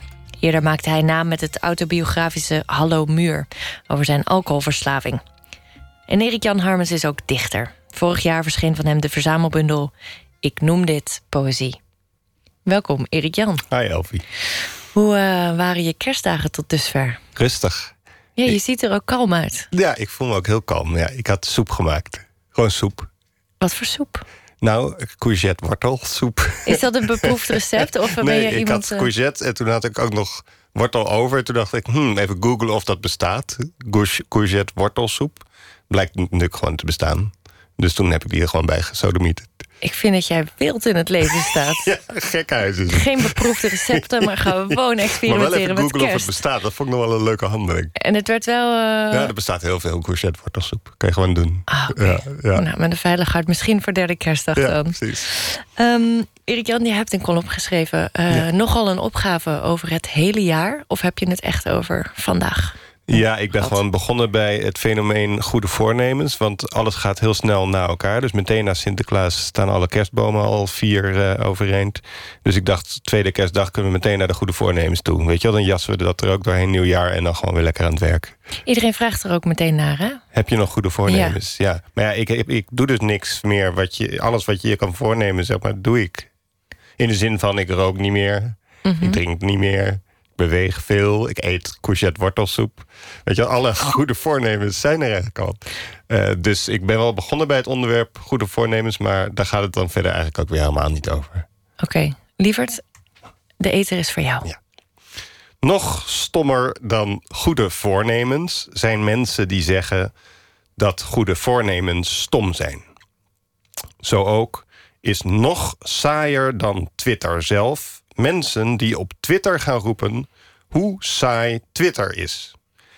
Technisch gesproken kun je me s'nachts wakker maken voor een portie Zweedse balletjes van Ikea, maar het hoeft echt niet, want ik vind ze niet te nassen, maar ga ze dus ook niet steeds bestellen om vervolgens te verzuchten hoe smerig die kutballen zijn, want dat wist ik al. Met excuses voor mijn expliciete taal, maar zo staat het op de zak. K-O-umlaut T-T-B-U-L-L-A-R. Een van mijn goede voornemens is om in 2018 geen kutboelar bij de IKEA te kopen. Een erg uitdagend doel is dat niet, want het is minstens 20 jaar geleden dat ik ze voor het laatst bestelde. Dat was trouwens ook voor het eerst. En de enige reden dat ik ze kocht... was dat ik er nog nooit van had gehoord van Zweedse balletjes. En mijn tik is om in winkels dingen te kopen... waar ik nog nooit van heb gehoord. Een zak chips in de smaak joppie saus gaat hup in mijn mandje. Wc-papier met aloe vera, die is van mij. Zeeuwse kroephoek met zeewier biologisch gekweekt in de Oosterschelde. Sold. Ik heb die tik van mijn vader geërfd. Zijn hobby was nieuwe supermarkten bezoeken. Heerlijk vond hij het om te verdwalen en uiteindelijk bij de kassa producten af te rekenen die hij niet nodig had. Vooral non-food. Ik heb hem een regenjas zien afrekenen die je kon oprollen tot het formaat van een luciferdoosje en hem zien thuiskomen met plastic tentharingen in de kleur oranje. Wat hij ook graag deed was folderspellen van de Lidl. Een uur voor zijn dood zag ik hem nog verlekkerd kijken bij de weekaanbieding. Drie zakken afbakbroodjes. Wit, bruin, volkoren of meer granen. Combineren mogelijk voor nog geen 2 euro. Erik en Hamers, ik denk dat je een heel haalbaar doel hebt gesteld voor het komende jaar. Geen kutboller. Geen kutboller in, jou, in jouw mandje. moet te doen zijn. Ja, maar ik ken deze tik wel. Ik heb het ook in restaurants dat ik altijd dat moet kiezen wat ik nog nooit heb gegeten. precies. Wat Ja. ook regelmatig heel teleurstellend kan zijn. Ja. En ik, ik meen nu ook eh, iets eh, te zien in jouw eh, kookpatroon, dat je dat ook doet. Dus Met die wortel, courgette, courgette wortelsoep. Even Ja, terugpakkend, Ja, precies, heel goed. Ja. Dwangmatig vreemde Heb jij nog dingen goede maken. voornemens, Elfie? Het is misschien heel ijdel, maar ik wil ehm, bollere biceps krijgen. Bollere biceps. Ja, dus ik ga weer wat meer eh, gewichttraining doen. Ik wil ze straks even zien, dan kan ik het vergelijken met Den Haag. Dat is goed. Ik, hou, ik, eh, ik hou je op de hoogte. Ehm, ik wil even dit, eh, dit moment nemen om je tekst te laten inzinken en een liedje te draaien. We gaan straks door met de open kaartrubriek. Maar eerst gaan we luisteren naar muziek. Kerstmuziek, wel te verstaan, afkomstig uit een Netflix-special die filmregisseur Sofia Ford Coppola maakte. A Very Murray Christmas, gezongen door Bill Murray. En een aantal andere artiesten waarvan ik de naam niet weet. Zoals de Franse band Oh, Phoenix, ja, die horen er ook bij. Hier samen met Murray in Alone on Christmas Day. Okay, I'm going to you guys. How about you fellas play something that nobody knows?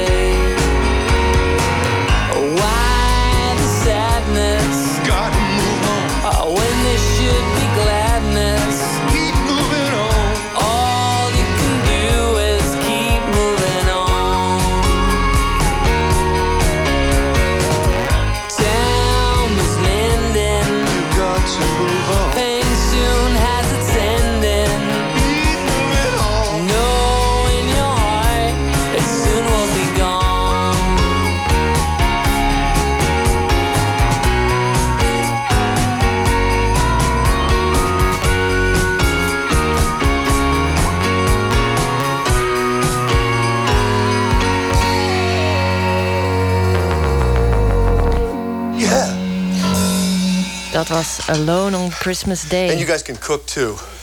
Wow, you're gonna be a real catch. Ja, ja, met Bill Murray samen met de band Phoenix.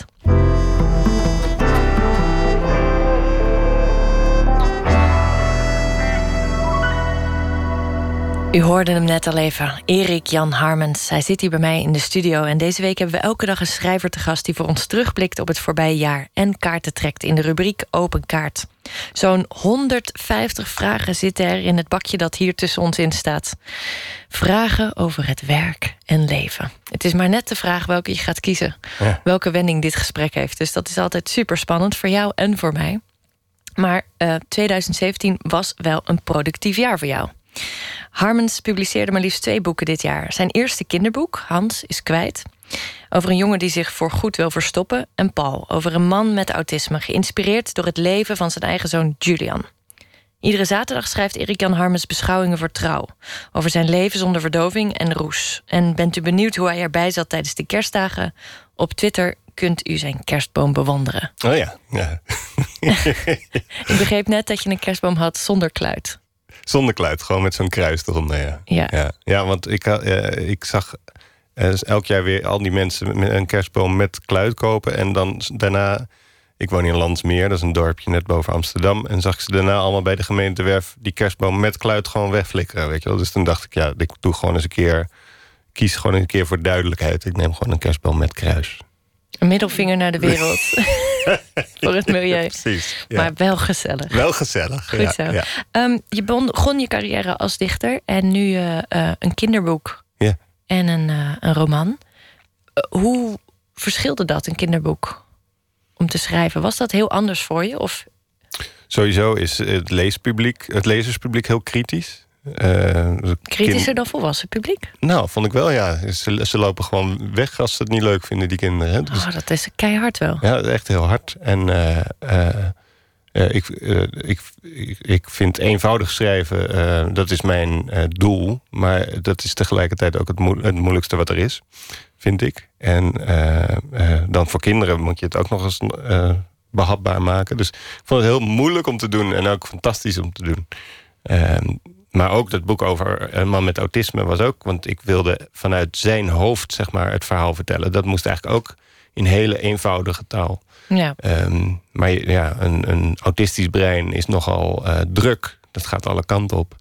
Uh, dus hoe, maar, hoe vertel je het verhaal van een man met een heel druk hoofd... toch op een eenvoudige manier? Ja, dus het was echt mijn uitdaging was om, om twee eenvoudige boeken te schrijven... Uh, Eigenlijk die stukken in trouw ook, wat je zegt, die stukken in trouw gaan over mijn leven nu. Uh, ik ben nu 4,5 jaar clean. Dus niet, ik ben niet meer, uh, uh, drink niet meer. Um, dus ik leef, ik noem het een beetje zo van ik leef nu in het licht. Zo, dat is een hele korte samenvatting van waar zonder, ik dan nu... zonder dat nou heel erg...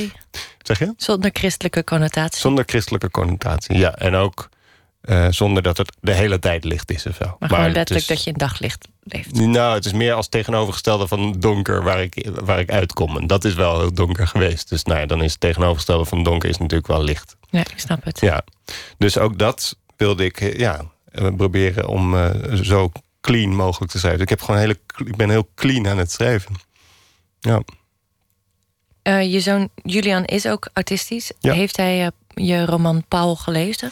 Uh, ja, want het, het boek, uh, hij is mederedacteur van het boek geweest. Dus hij uh, was een zeer strenge redacteur. Streng doch, recht, doch rechtvaardig. En um, um, het is een werk van fictie, benadrukte ik bij het boek. En dus hij heeft ook alles wat op hem gebaseerd was. Want ik, ik, uh, ik leen altijd heel veel, zoals alle schrijvers... ik leen heel veel uit de werkelijkheid en maak dan fictie van. Maar alles wat ik had geleend van zijn persoon, zeg maar... dus alle eigenschappen van hem die ik aan mijn personage had toegekend... die heeft hij er gewoon allemaal uitgesloopt. Want hij zei van nee, maar dat, dat gaat over mij en dit is fictie. Dus weet je wel, dus hij was een heel, heel... in de goede zin van het woord een heel rechtlijnig uh, redacteur. Dus ja. dat mocht dan eigenlijk niet van hem? Nee, Nee, want het was fictie. Ja. ja en hij is, hij is Julian en hij is non-fictie. Dus hij neemt dat gewoon heel erg letterlijk. Uh, het meest interessante voor mij was, en dat maakt mijn schrijven gewoon heel erg bijzonder, is dat ik heel erg zat te benadrukken van... nou, dit gaat, weet je, Julian is mederedacteur... maar het is fictie, het is fictie, het is fictie. En toen kreeg ik in juni zelf de diagnose... dat ik ergens in het spectrum zit van autisme. Wat dus heel grappig, vond ik heel grappig dan. Dus ik eerst dus heel erg te drammen dat het fictie is. En daarna blijkt dat helemaal niet zo. Eigenlijk gaat het boek voor een deel gewoon over mij natuurlijk. Dus zo kom ik uh, van alles, maak ik toch van alles mee. Zo'n uh, diagnose krijg je niet zomaar. Dat betekent dat je op zoek was naar iets. Ja. Uh, was je in therapie? Of? Ja. Al, al, al langere tijd. En zeker na het verschijnen van Hallo Muur. Want mensen vroegen van... Uh, heeft je dat geholpen om zo'n boek te schrijven als Hallo Muur? Een soort afrekening met een verslaving. Uh, nou, dat heeft op zich niet echt geholpen in de zin van... het heeft wel me deugd gedaan dat ik een, een boek kon schrijven... Dat, dat goed werd ontvangen, maar ik had toen wel behoefte aan wat goede gesprekken. Ja. En die gesprekken monden uiteindelijk uit... Nou, het is nog niet een vastomlijnde diagnose of zo die ik nu heb... maar het geeft wel mijzelf wel veel duidelijkheid over... hoe mijn geest een beetje in elkaar zit. En ik ben niet... Uh, je hebt allerlei gradaties van autisme. Uh, dus ik ben niet, niet iemand die voortdurend in feutushouding op de bank ligt... om het even zo te zeggen. Maar ik merk wel dat ik bepaalde patronen heb... in mijn hersenpan, zeg maar... die ik op deze manier een beetje kan duiden. Dus ik begrijp mezelf wat beter. En ik begrijp ook het drinken opeens. Wat, ik begrijp opeens heel goed waarom ik zoveel gedronken heb. Eén van de redenen dus. Um, om, om prikkels van buitenaf uh, wat te verminderen. Ja, en daarom is het in dat licht dus ook een beetje moeilijk leven. Want daar zijn die prikkels nu allemaal keihard. En fel. En ja. fel, ja. Dus dat maakt het niet heel eenvoudig. Ik snap het. Een belangrijk jaar dus voor je. Ja. Um, over prikkels gesproken. Ja. We zijn hier om wat vragen te beantwoorden uit de open kaartrubriek. Dus ik open het doosje nu. Ja. En dan uh, mag jij grabbelen. Dan moet ik gewoon één kaart pakken nu. Ja. Bijvoorbeeld. Wat is je mooiste tekortkoming? Misschien heb je hem net al benoemd. Ik weet ja. het niet. Of heb je een andere onhebbelijkheid die je ook heel erg meewerkt? Nou, um, ik sta redelijk bekend als uh, een vrij rustige man. Ik hoop dat ik nu bevestiging bij jou krijg als ik dat zeg. Absoluut. Ja, dank je. Um, je zit hier heel kalm. Ja, ik, ik zit hier heel kalm. Maar um, als ik voetbal kijk, verander ik in een uh, vloekende tiran. Waarbij ik de meest abjecte scheldwoorden kan, uh, kan roepen tegen de scheidsrechter of tegen de tegenpartij of tegen het eigen team als die uh, verzaken. En mensen die dat, die dat zien, die weten niet wat ze zien. Die zijn echt, die, die geloven gewoon niet dat, het, dat ik dat ook ben, zeg maar. Die denken echt van, wat gebeurt hier, weet je wel? En het, ja, het is ook geen drank meer, dus het is puur nuchter. Maar ik kan dan zo in die wedstrijd opgaan ook, dat ik dan echt ja, echt, de echt verwensingen die, die, die ik hier absoluut niet kan herhalen, die komen dan uit mijn mond. In stripverhalen zie je dan een soort, zo'n tekstballonnetje met allemaal van die, uh, van die doodshoofden en zo. Weet je dat? In, uh, in, en, en, wat is daar precies uh, mooi aan? Nou, het is niet. De vraag is: wat is je mooiste onhebbelijkheid? Ja, mooi. Ik dacht, wat ik doe gewoon een tekortkoming die ik dan wel grappig vind. Dus ik heb mooi een beetje veranderd in wel grappig. Snap je het zelf waarom je dat doet? Of je dat hebt? ja, omdat ik ik bedoel, dat kalme wat ik normaal gesproken heb... is ook wel een soort... Nou, ik ben het wel echt, maar er zit wel een soort rem op. En die, gaat, die verdwijnt gewoon. Ik vind het gewoon bijvoorbeeld zo onrechtvaardig... als een voetballer echt expres iemand heel hard van achter tackelt of zo. Weet je, dat ik echt gewoon... Dan wil ik op dat moment echt... Dat, zijn, dat de carrière van die dader op dat moment eindigt. Weet je, dan wil ik gewoon dat hij nooit meer op het veld mag staan dat voel ik ook echt. Ik voel een soort woede dan echt. En als een scheidsrechter bijvoorbeeld uh, een, een, bal gaat over de lijn... en een scheidsrechter ziet dat niet... Ja, dan, dan wil ik gewoon in alles duidelijk maken... dat die scheidsrechter nooit meer mag fluiten. Dus ik vind het gewoon in die zin wel mooi... dat gewoon al mijn emoties die ik normaal gesproken inhoud... gaan er dan even uit. Het enige wat je dus moet doen is, is gewoon vaak alleen kijken. Ik moet gewoon vaak alleen voetbal kijken... omdat het voor anderen gewoon niet te doen is. ik ben uh, ja. blij dat je zo'n uh, goede uitlaatklep in ieder geval ja. hebt gevonden. Redelijk ja. onschuldig. Um, zullen we nog een kaartje trekken? Laten we dat doen. Welke rotstreek heb je geleverd om je werk voor elkaar te krijgen? Welke rotstreek heb je geleverd om je werk voor elkaar te krijgen? Voor veel schrijvers uh, geldt dat uh, schrijven over familieleden. Ja, maar daar, ja, maar daar heb ik. Uh, um, um, tenminste, ik, ik schrijf nooit over mijn kinderen, tenzij ze daar toestemming voor geven. En ik schrijf nooit over mijn ex, tenzij ze er toestemming voor geven. Dus, die, dus in die zin ja, want die zitten wel allebei in Hallo Muur ook. Ze zitten allebei in Hallo, of alle drie uh, in Hallo Muur met twee kinderen en mijn ex. Maar ik heb dat uh, uitgebreid met ze overlegd van tevoren. Ja. Ik zou nooit over hen schrijven uh, om daar een goed boek. dus ehm, ik, ik, geloof niet, ik geloof niet dat ik ooit echt een rotstreek heb geleverd om het werk voor elkaar te krijgen. Nee, denk het niet.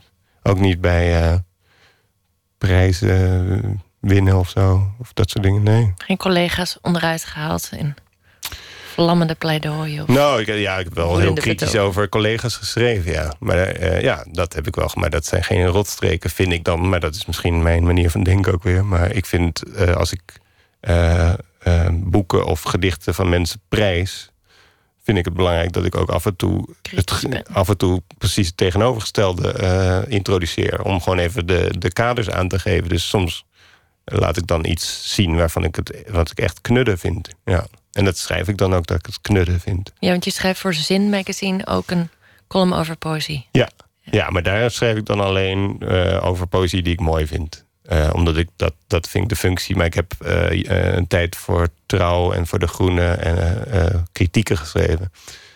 over poëzie. En dat deed ik wel altijd nou, vol overgave, maar dus alle kanten op. Dus, dus weinig middle of the road, zeg maar. Vaak of het hele goede of het min mindere.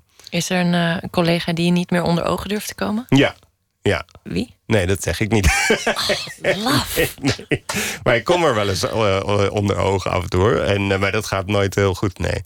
En hm. ik heb ook wel eens bijvoorbeeld iemand Iemand had uh, gedichten over uh, waar, waar zwaarden in voorkwamen. En toen had ik daar een wat kritische recensie over. Toen had hij me teruggemaild wat ik dan met dat zwaard met mij ging doen. Weet je wel? Dus dat was heel. Hij ging echt vol in die, in die emotie. Uh, wat ik ook wel weer mooi vond. Ja. Alleen het was een beetje achter, beetje was lichtelijk bedreigd, maar wel. ja, misschien moeten we dat ooit nog eens publiceren. Ja. Ja. Klinkt als een spannende wending. Ja, ja, Zullen we nog een kaartje doen? Laten we er nog één doen. Is je carrière gelopen zoals je had gedacht? Uh, nee. Wat had je gedacht? Ik had gedacht dat ik uh, uh, gewoon. Um, nou, tenminste, ik ben begonnen met, dat doe ik nog steeds, met gedichten performen. Zeg maar. dus ik had gedacht dat ik gewoon gedichten zou blijven voorlezen en um, romans zou schrijven. En dat zou het zijn. En wat er eigenlijk gebeurd is, is dat, dat Um, dat ik op een gegeven moment ben gestopt met drinken. En toen ik twee dingen kon doen. Of ik kon me volledig gaan richten op het stoppen met drinken en gewoon in therapie gaan. En dan een tijdje niet schrijven. Want dat zou ik echt niet kunnen combineren. Ik had niet fictie kunnen schrijven en dat kunnen doen. Of ik kon gaan schrijven over dat stoppen met drinken. En vanaf dat moment, dus dat was, daar begon ik mee in 2014 en dat is uitgebracht in 2015 ben ik eigenlijk gewoon volledig, uh, volledig veranderd. Mijn gedichten zijn volledig veranderd. Die zijn echt heel helder geworden. Terwijl mijn oude poëzie veel geslotener en ook veel agressiever is van toon. En mijn, uh, mijn literatuur, mijn, mijn, mijn, mijn proza is, is autofictie geworden. Zoals dat dan heet. Dus gewoon uh, ja, dus het is, het is nog wel fictie, maar het, gaat over mij. Dus dat is een beetje raar. Maar dus ik, alles wat ik nu beleef, bij wijze van spreken, dit gesprek wat we nu voeren, kan terechtkomen in uh, een stuk dat ik schrijf voor trouw. of in mijn uh, boek dat volgend jaar uitkomt, wat ik nu aan het schrijven ben. Dus er is een gigantische overlap ontstaan tussen mijn werkelijke leven en mijn werk. Mm. En dat vind ik heel interessant. Uh, er zijn ook heel veel tegengeluiden, ook van collega-schrijvers... die dat kwalijk vinden, niet specifiek bij mij, maar gewoon in het algemeen. Ze pleiten gewoon voor de terugkeer van de echte fictie. Ik vind dit ongelooflijk boeiend. Dit, ik, gewoon voor mezelf. Hè? Niet, ik, anderen hoeven dat niet te doen. Maar voor mezelf vind ik het geweldig interessant. Omdat, um, omdat het hele onderscheid... bijvoorbeeld ook bij, bij... ik kan ook niet meer genomineerd worden voor prijzen, zeg maar... Uh, want er is geen, dit is geen genre, zeg maar. Het is geen non-fictie. Maar het is ook geen fictie. Weet je, men, dus juries bellen gewoon af en toe op naar mijn uitgever van ja, wat is dit? Wat is dit nou? dat vind ik gewoon heel komisch. Maar je verkeert toch in goed gezelschap? Ik bedoel, uh, uh, Jan Wolkers deed niet anders. Ja, maar nou ja, maar, nou ja, die, ja, die deed niet anders. Maar die heeft natuurlijk ook wel heel veel gewoon toch fictie gegeven waarbij je dan maar ik, ik noem mijn personage echt Erik Jan Harmens. Ah ja. Snap je? Dat, dus ik drijf het echt wel een stuk verder door. En ehm, ehm, ja, ik vind het gewoon heel interessant als het gewoon niet meer te definiëren is. Dat is het ook en dat is heel spannend. Erik-Jan Harmens, ik wil je heel hartelijk bedanken voor het komen naar de studio en beantwoorden zo eerlijk van deze vragen. Uh, in 2018 kunnen we van jou weer een autobiografisch boek verwachten. Maar ik hoorde net 2019. Nee, 2018. 2018. Ja, oh, goed september. Zo. Ik kijk er naar uit. Ik ook. Tot dan. Dank je. Ook Prince waagde zich aan een kerstnummer in 1984. Verscheen als B-kant van de single I Would Die For You... ten tijde van het album Purple Rain. Dit nummer, dit is Prince met Another Lonely Christmas.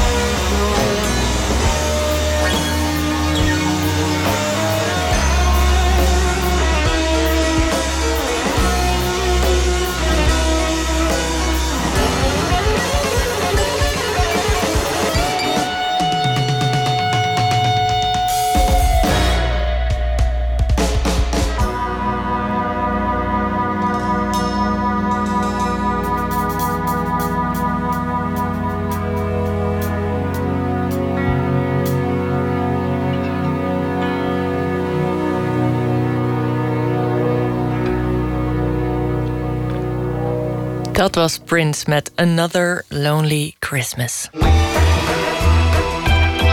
Nooit meer slapen.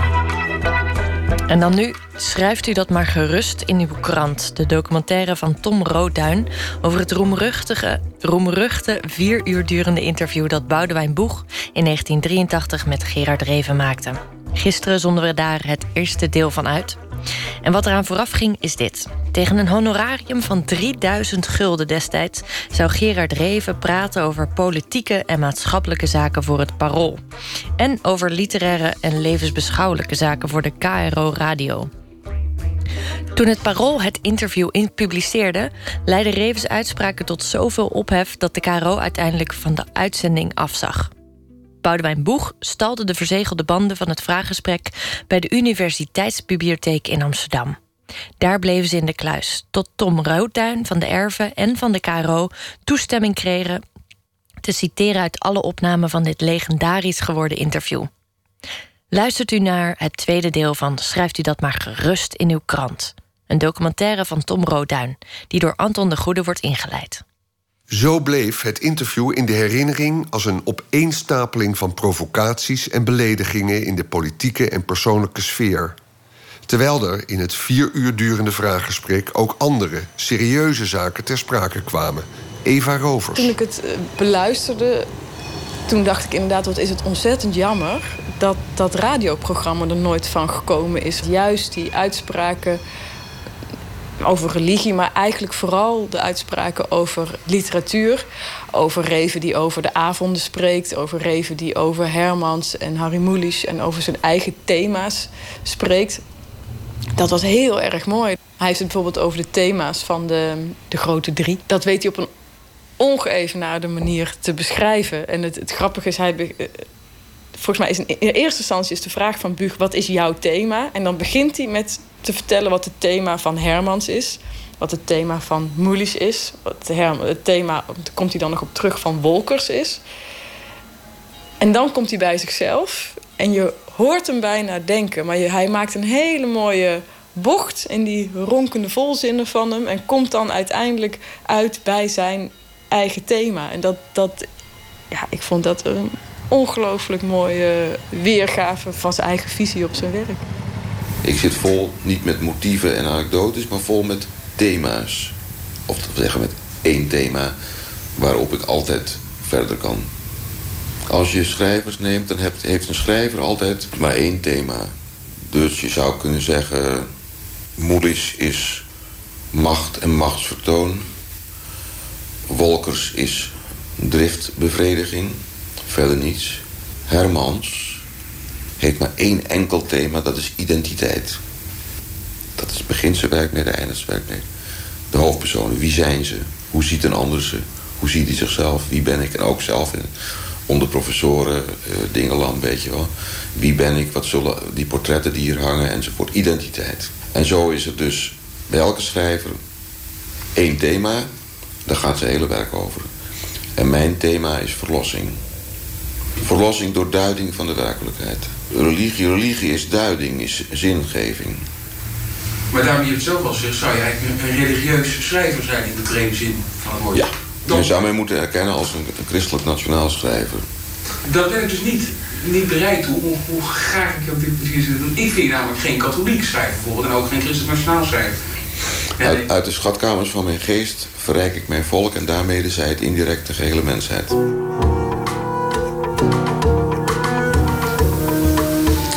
Ja, Hermans blijft een groot schrijver natuurlijk.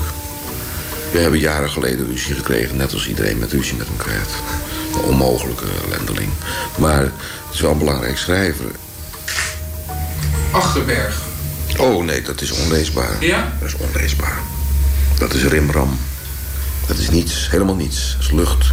Je bent een van de heel weinigen die dat zegt, hè? Ja, nou, mag het in uw krant zetten hoor. Nee, dat is, dat is rotzooi, dat is oplichterij. Iets. Ja, maar wat, noem dan een groot Nederlands dichter. Bloem is een, uh, hoewel Bloem slordig was... en bijna elk gedicht bedorven wordt door één fout... door één slecht ritme of één slecht gekozen woord. Die was slordig en lui. Een groot dichter, nou ja... Een van onze allergrootste dichters van deze eeuw. Geen grote oeuvre. Je kunt er maar heel weinig uithalen. Wat echt helemaal volmaakt is. Misschien zes gedichten. Maar alles de rest is ook wat. Allemaal heeft het iets. Dat is Gerard de Brabander.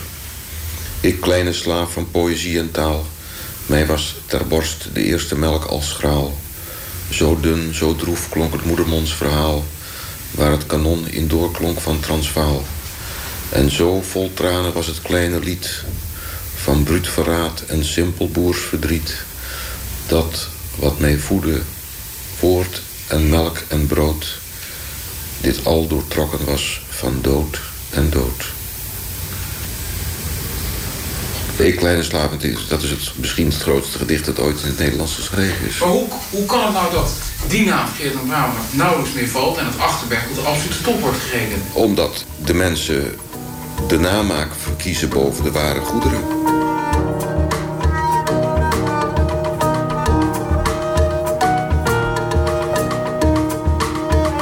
Heb wel een paar mooie gedichten geschreven, maar ik heb me nooit voor dichter uitgegeven. Ik ben proza-schrijver. En uh, godzijdank ben ik dus geen dichter. Ik hoef dus niet uh, mijn hele verdere leven te slijten... met te proberen gedichten te schrijven die niet willen komen. En dan maar dagbladrecensent maar, uh, worden... en, je, en je, je gif spuien op iedereen die wel talent heeft. Want al die mensen die in de kranten schrijven over literatuur... zijn allemaal mensen die 30 jaar geleden... hun eerste en hun laatste dichtbundel hebben uitgegeven, waar of niet. Als je, als je dichter bent, begrijp je... Als je geen elektricien bent of proza-schrijver of wat ook... maar alleen maar dichter bent... dan is het een heel precair bestaan. Omdat je kan hopen dat er in je hele leven... Uh, 29 goede gedichten komen. Dat is toch enorm. Jezus Christus, je begrijpt het niet. Ik bedoel dat het een precaire existentie is... als je dus alles wat je bent alleen maar dichter is... Een gedicht is er opeens en je schrijft het op... en meestal als het een goed gedicht is verander je bijna niets. Of het is een gedicht van 18 regels... en je moet die mooie regels waar je zo reuze blij mee bent... die moeten eruit, begrijp je? Je moet het tot de kern herleiden. Maar is dan... Is dan uh... Maar je kan niet zeggen, ik ga een gedicht hier of daar over maken. Dat kan niet. Een gedicht komt in veel mindere mate uit het... Uh uit het bewuste, uit het denken. Het is best mogelijk dat ik nooit van mijn leven nog één gedicht schrijf. Het kan ook wel dat ik er 300 schrijf, maar dat kan ik niet, zelf niets aan doen.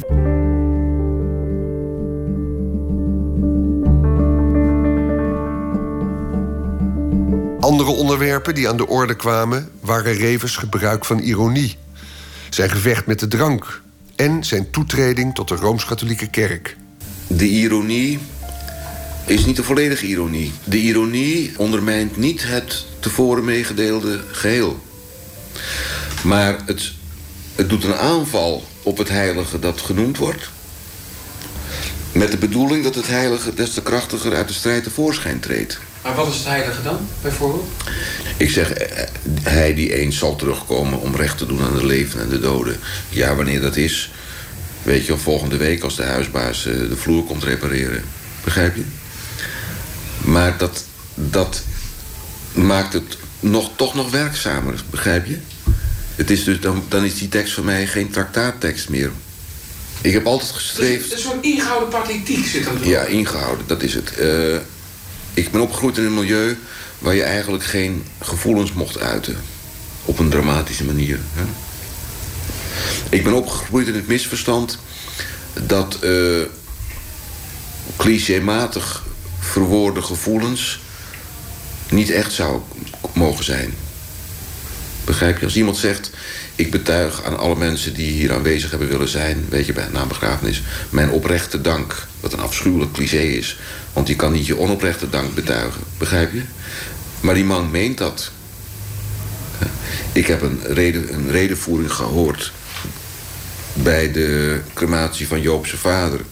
door de voorzitter van de Vogelvereniging een, een, zaadhandelaar...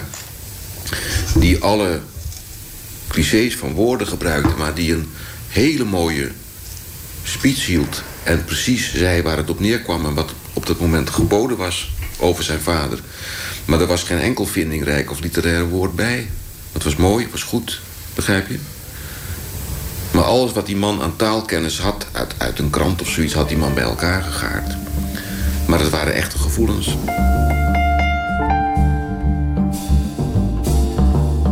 Ik ben heel erg ongelukkig, maar ik doe er wat mee. Ik schrijf een boek en het brengt geld op. Je moet het gelden maken. Mijn, mijn eenzaamheid functioneert. Ik maak mijn eenzaamheid relevant. ja, die psychiater die zei tegen mij... toen had ik een delirium in het ziekenhuis en die zei tegen mij... u zou een vrouw naast u moeten hebben. Ik zeg, nou, u, weet toch hoe het in elkaar zit? Ik heb u toch verteld het in elkaar zit? Ja, maar u moet een vrouw naast u hebben. Ik zeg, denkt u dan wel eens aan het lot van die vrouw? En zeg ik, bovendien maakt het nou werkelijk wat verschil? Uh, een kut met slijm of een reet met stront. Overal woont God als je hem maar weet te vinden. Daar schrok die man zo van. Die zegt de volgende, weet u dat u gisteren tegen me zei... dat ik dat aan niemand heb durven vertellen? Ik zeg, nee, dat moet u ook maar niet doen. Maar uh, ik had het nooit geloofd dat ik uh, eraf zou komen. Heb je nou heb je ontwenningsverschijnselen? Die heb je ook echt gehad. Hè? Hoe is dat? Wat? Ontwennen. Ik heb geen ontwenningskuur gedaan. Ik kwam met het delirium in het ziekenhuis. En toen zei ze tegen me, wat zullen we doen? Zullen we dat je gewoon nu weer drinkt en dan telkens wat minder elke dag. Dus, uh, of zullen we je door het delirium heen trekken, plat spuiten. Dat hebben ze gedaan. Dan heb ik drie dagen, zonder dat ik dus iets kon doen of me kon bewegen... heb ik bij volle bewustzijn... ben ik door het delirium heen gegaan. Dat gun ik mijn ergste vijand niet. Dat gun ik nog niet... Uh, je kan je alleen uh, bijna niet bewegen, maar verder is alles helder. En toen heb ik de waarheid van het katholieke geloof ontdekt. Dat uh, de hel bestaat, maar dat je niet hoeft te geloven dat er iemand in is. Er is inderdaad niemand in. Ik ben in de hel afgedaald, maar er is niemand. Je zit in een trein met lichten aan in die trein. Het is nacht. En er is niemand in die trein, ook geen bestuurder. En die trein die rijdt met duizendwekkende snelheid... met progressief toenemende snelheid de wereldruimte in. Zich in alle eeuwigheid verwijderend van God. Dat is het delirium. En jij bent ten eeuwige dagen veroordeeld om in die trein te zitten. Nou, jij weer. Ja. Ik durf je niet te huilen. Ik maak me wel eens ongerust over het oordeel. Het laatste? Ja, wat je nou precies zegt of doet. Denk je? Ik denk dat hij niet weet wie ik ben. Of dat hij me in de wachtkamer zet voor eeuwig met oude panorama's of zoiets. Ik heb alle beslissingen in mijn leven vaak genomen te laat of te vroeg. En ik voelde me aangetrokken en ik had een enorme afkeer van en verachting. En ik ben eigenlijk ingetreden toen ik het helemaal niet daarover met mezelf eens was. Begrijp je? Het is een soort, een soort sprong geweest met, met misschien een parachute, misschien niet. Het was de afschuwelijkste dag, de gruwelijkste dag uit mijn hele leven. Mijn intrede in mijn doop. De, de vernedering dat je dus uh, aan zulke onzin gaat meedoen. Terwijl je opgevoed bent in, uh, in, in, in de verlichting en in het uh, empirisch denken. Er zit een paradox in steeds. Er zit een paradox. Ik, een paradox dan ja, als ik naar de mis ga hier in Nederland... dan geneer ik me altijd nog een beetje als ik naar binnen ga. Okay. Ik ben een archa archaïsch mens. Bij mij is het een kwestie van emotie. Dus de mis maakt op mij indruk. Soms barst ik wel eens in tranen uit, ja. Eén keer per jaar ongeveer. Als het me te machtig wordt, ja. Mag ik ook brutaal worden? Je mag alles. Ja. Als ik nou zeg... Ik kan bij mij geen kwaad doen. Als ik nou... Meneer, meneer Bug voor u, Boudewijn voor mijn... Ja. Luister eens, als ik, nou, als ik nou zeg... Wat een gelul allemaal. Ja. Wat zeg je dan? Ja, dan zeg ik, je, je hebt het licht niet. ja, dat is toch... Ik bedoel... Waar houden serieus mensen mee bezig? Je bent toch een serieus volksschrijver? Ik, ma ik maak er geen probleem van. U maakt er probleem van, meneer Bug. Ik kom toch niet bij u voor de deur. Kom ik toch ook geen stennis maken?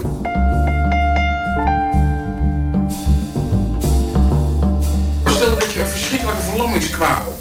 als je niet meer kan schrijven. Wil je dan, wil je dan blijven? Hoor eens eventjes. Uh, jij bekijkt het veel te veel van het uh, menselijke standpunt van het hebben van rechten. En dat het leven goed moet zijn. En als het leven slecht is, dan is het niet de moeite waard om geleefd te worden. Uh, ik leef niet omdat ik er zoveel plezier in heb, maar omdat ik geschapen ben, omdat het mij opgelegd is. En omdat ik niet het recht heb, zonder heel belangrijke redenen, moeten heel belangrijke redenen zijn om mezelf het leven te benemen. Kijk, de kerk zegt, de mens mag geen zelfmoord plegen. Maar als er iemand wel zelfmoord pleegt, dan zeggen ze hij was niet bij zijn verstand. En verder gaat alles gewoon zijn gang, begrijp je? Ja. Maar het effect van, van dat voorschrift van de kerk is dat men iemand niet tot zelfmoord kan drijven. Men kan dus niet zeggen, oh je moet maar eens van die gaanderij springen. Want Fonsje, die moet nou die kamer hebben, want die komt op de Mulo, die moet zijn huiswerk maken. En dan zegt oma, ik zou niets liever willen.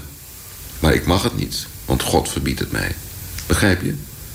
Dat is een beschermende bepaling van de kerk. Het is heel goed dat de kerk dus categorisch zegt... zelfmoord is verboden. Maar, maar in de praktijk, begrijp je? Wanneer ben jij nou echt suicidaal geweest voor het laatst, denk je? Oeh. Ik heb drie keer in mijn leven zelfmoord gepleegd. Nou, dus, uh, ja. Kunt u zich gewoon logisch behandelen? Nee, ik, daar spreek ik niet graag over. Ja, maar ik vind het wel interessant. Ja, jij vindt het interessant, maar ik vind het niet. Ja, maar de doodsideeën in het werken zijn zeer belangrijk. Ja, wat zegt u? De doodsideeën in werken zijn zeer belangrijk. Ja, hè? dat is u opgevallen, hè? Ja, ja. dat is u opgevallen, maar geduld op studie. Nee, is dat lang geleden? 17 jaar was ik toen voor het eerst, ja.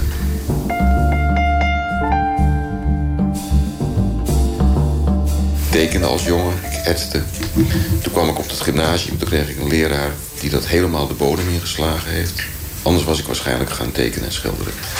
Ten meer omdat ik links ben. Ik bedoel niet politiek, maar linkshandig. Maar rechtshandig heb moeten leren werken en schrijven. Dus ik heb twee handen. Ik kan met twee handen tegelijk schrijven. Ik kan dezelfde tekst tegelijk schrijven. Met mijn rechterhand en met de linkerhand in spiegelschrift tegelijkertijd. Ik kan het wel eens voordoen voor de gein. Maar in ieder geval over die ambitie. Maar, maar voor die ambities, die ambities dus om uh, schilder te worden... Daar, ik zei wel eens een keer zo op een avond zo... Ja, als je dat dan ziet, weet je wel... dan zou ik toch wel schilder willen zijn. Toen zei Joop, stel je voor dat de avonden... dat de avond een schilderij was geweest en geen boek... dan had je misschien 150 piek gevangen... en dan was het schilderij nog op zoek geraakt ook. Goed, hè? Heel Stem van de eenvoud, ja.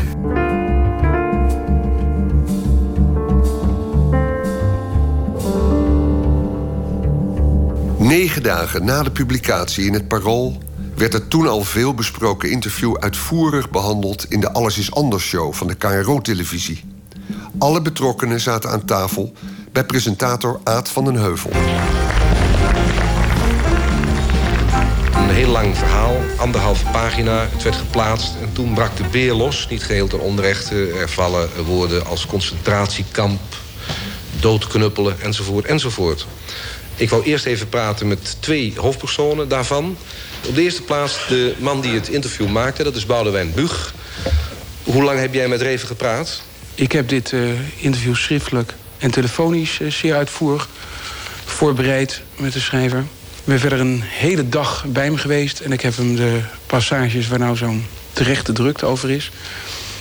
Heb ik hem drie keer heb ik hem gevraagd: meen je dat nou echt over die concentratiekamp? Sommige passages zelfs vijf keer gevraagd. Er is niet bij het interview gedronken, dus het kan niet zijn. En ik kan alleen maar tot de conclusie komen, en dat ben ik ook in mijn voorwoord en in mijn vraagstelling, dat uh, Gerard Reven, een van onze allergrootste schrijvers die we hebben, er politiek zeer bedenkelijke denkbeelden op nahoudt. En ik vind dat ook zo verdomd jammer, want ik heb echt tijdens het interview gedacht... zeg nou één keer dat het ironie is. Dan vind ik het nog een slechte vorm van humor.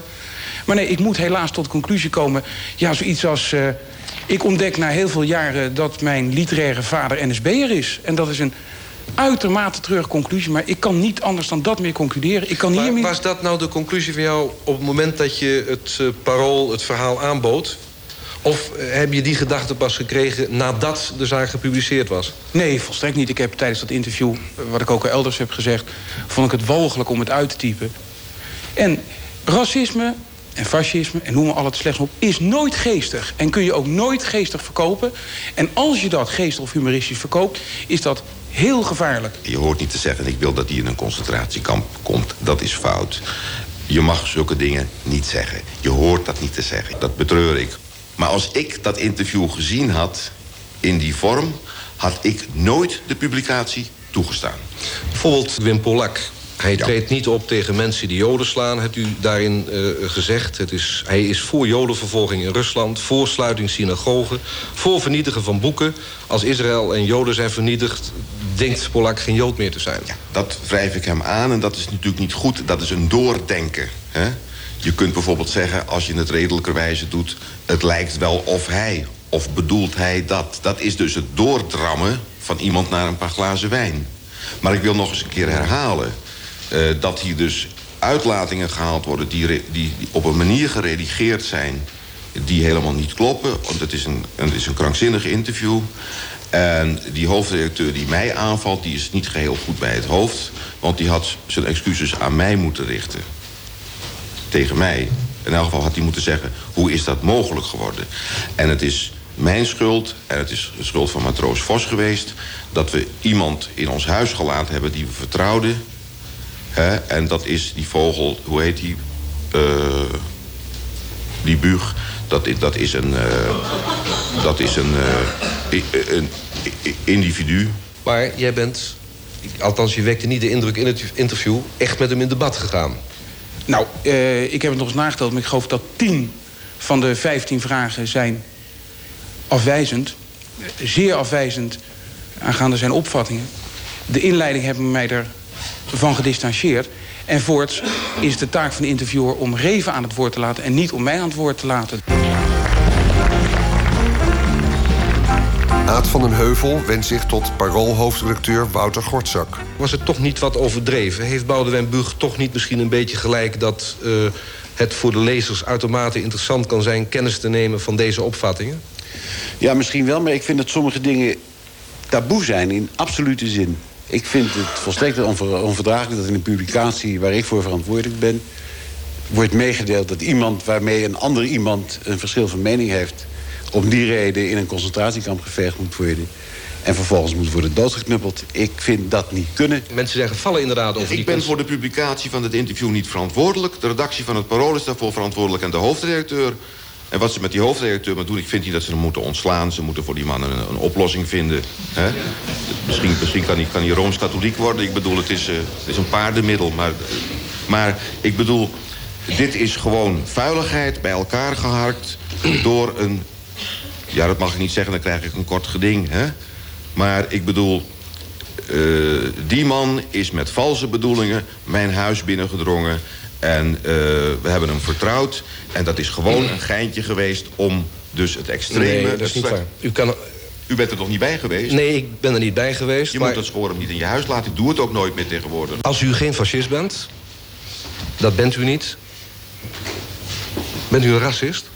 Want dat is uh, nee, ook gevallen. Daar ben ik veel te intelligent voor. Om een racist te zijn. Racisten zijn domme mensen. Iedereen die mij kent en die mijn werk kent en die mijn politieke en morele opvattingen kent... die weet donders goed dat ik geen fascist ben... het nooit geweest ben en nooit zal zijn... en die weet ook donders goed dat ik helemaal geen racist ben... en ook nooit geweest ben en ook nooit zal zijn. U... En wie dat wel beweert is de kwadertrouw. Nu dan de kernvraag. Had Reven gelijk dat zijn woorden verkeerd waren weergegeven... of had Buug integer journalistiek werk afgeleverd. Eva Rovers. Ervan uitgaande dat dat KRO-programma nog zou komen... is het heel logisch dat het in dat paroolartikel inderdaad alleen over die politieke opvattingen ging. En daar was Reven gewoon echt absoluut niet genuanceerd in. De citaten zijn ja, heel letterlijk, daar is echt geen, geen letter aan veranderd. Dus dat heeft hij gewoon uh, waarheidsgetrouw gedaan. Mark Blaise. Ik denk dat misschien Reven inmiddels had ingezien dat die Boudewijn niet kon binnenhengelen. Hoewel ze nog wel heel veel met elkaar gecorrespondeerd hebben. En hij dacht, ja, ik, achteraf gezien ben ik nu de gebeten hond. En ik ga dat natuurlijk gewoon ontkennen. Ja, en uh, en uh, natuurlijk kan je altijd roepen uh, in, in gesprek van een paar uur... uh, is alles natuurlijk, als je wat je samenvat, uit zijn context. Alleen al het feit dat je, dat je niet kan beschrijven hoe Reven erbij keek... dat zou ik, als ik Boudewijn was geweest, ook niet gedaan hebben. Want dat ontkracht natuurlijk je verhaal. Maar dat had hij natuurlijk wel moeten zeggen. Want dan had de lezer begrepen van... oh ja, nee, dit is Reviaans overdrijven. zoals Bug, uh, Bugiaans kon overdrijven. Dus dan had je twee overdrijvers bij elkaar. Nou, dat, dat, dat hebben we gezien, wat er dan uitkomt. Ik denk dat hij daadwerkelijk het toch wel behoorlijk moeilijk vond dat het hele land over hem heen viel. En hij was erg blij met bijvoorbeeld steunbetuigingen van Jeroen Brouwers. Die hem schreef van, nou ja, weet je, dit gebeurt af en toe... maar er zijn ook nog mensen die achter je staan. En uh, nou, een hele, hele warme brief was dat. En daar, dat, daar, je ziet aan zijn antwoord dat hij daar heel blij mee is. Dus het geeft ook aan dat hij ook wel echt wat steun nodig had. Hij zegt uiteindelijk, ik ben een jaar daarvan depressief geweest. Maar goed, dat is natuurlijk een typische Bug-uitspraak. Dat past ook bij zijn imago van de gekwelde romantische held. Dus dat, dat werd altijd wat groter en wat dramatischer gemaakt. Maar hij kon het absoluut niet van zich af laten glijden. Het heeft behoorlijk wat indruk gemaakt.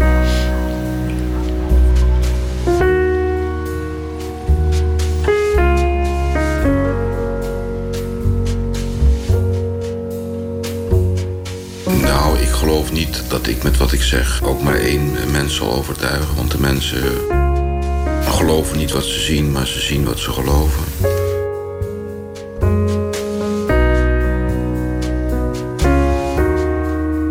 Hebben jullie alles gehad?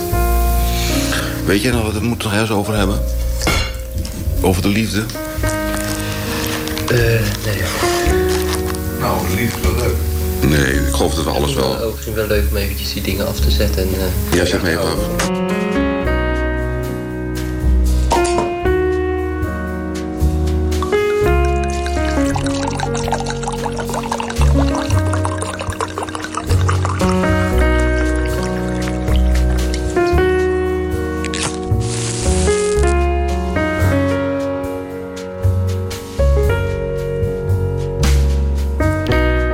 U hoorde een documentaire van Tom Roodduin. Techniek Berry Kramer. Met dank aan Radiodoc, de Ervenboeg, de KRO en bijzondere collecties van de Universiteitsbibliotheek Amsterdam. En dan rest mij nu niets anders dan te vertellen wat er morgen staat te gebeuren hier bij Nooit meer slapen. Want dan komt rapper en liedjesmaker Diggy, Diggy Dex langs. Het pseudoniem van Koen Jansen. In zijn liedjes combineert hij persoonlijke en levensbeschouwende teksten met melodieën die neigen naar een singer-songwriter geluid. Zelf noemt hij zich een chanson-rapper. En dat gaat hem goed af, want zijn muziek wordt al jaren door het grote publiek omarmd. En dit jaar. Dit jaar, toen verkocht hij Carré uit. Dat onder meer morgen. Hopelijk tot dan.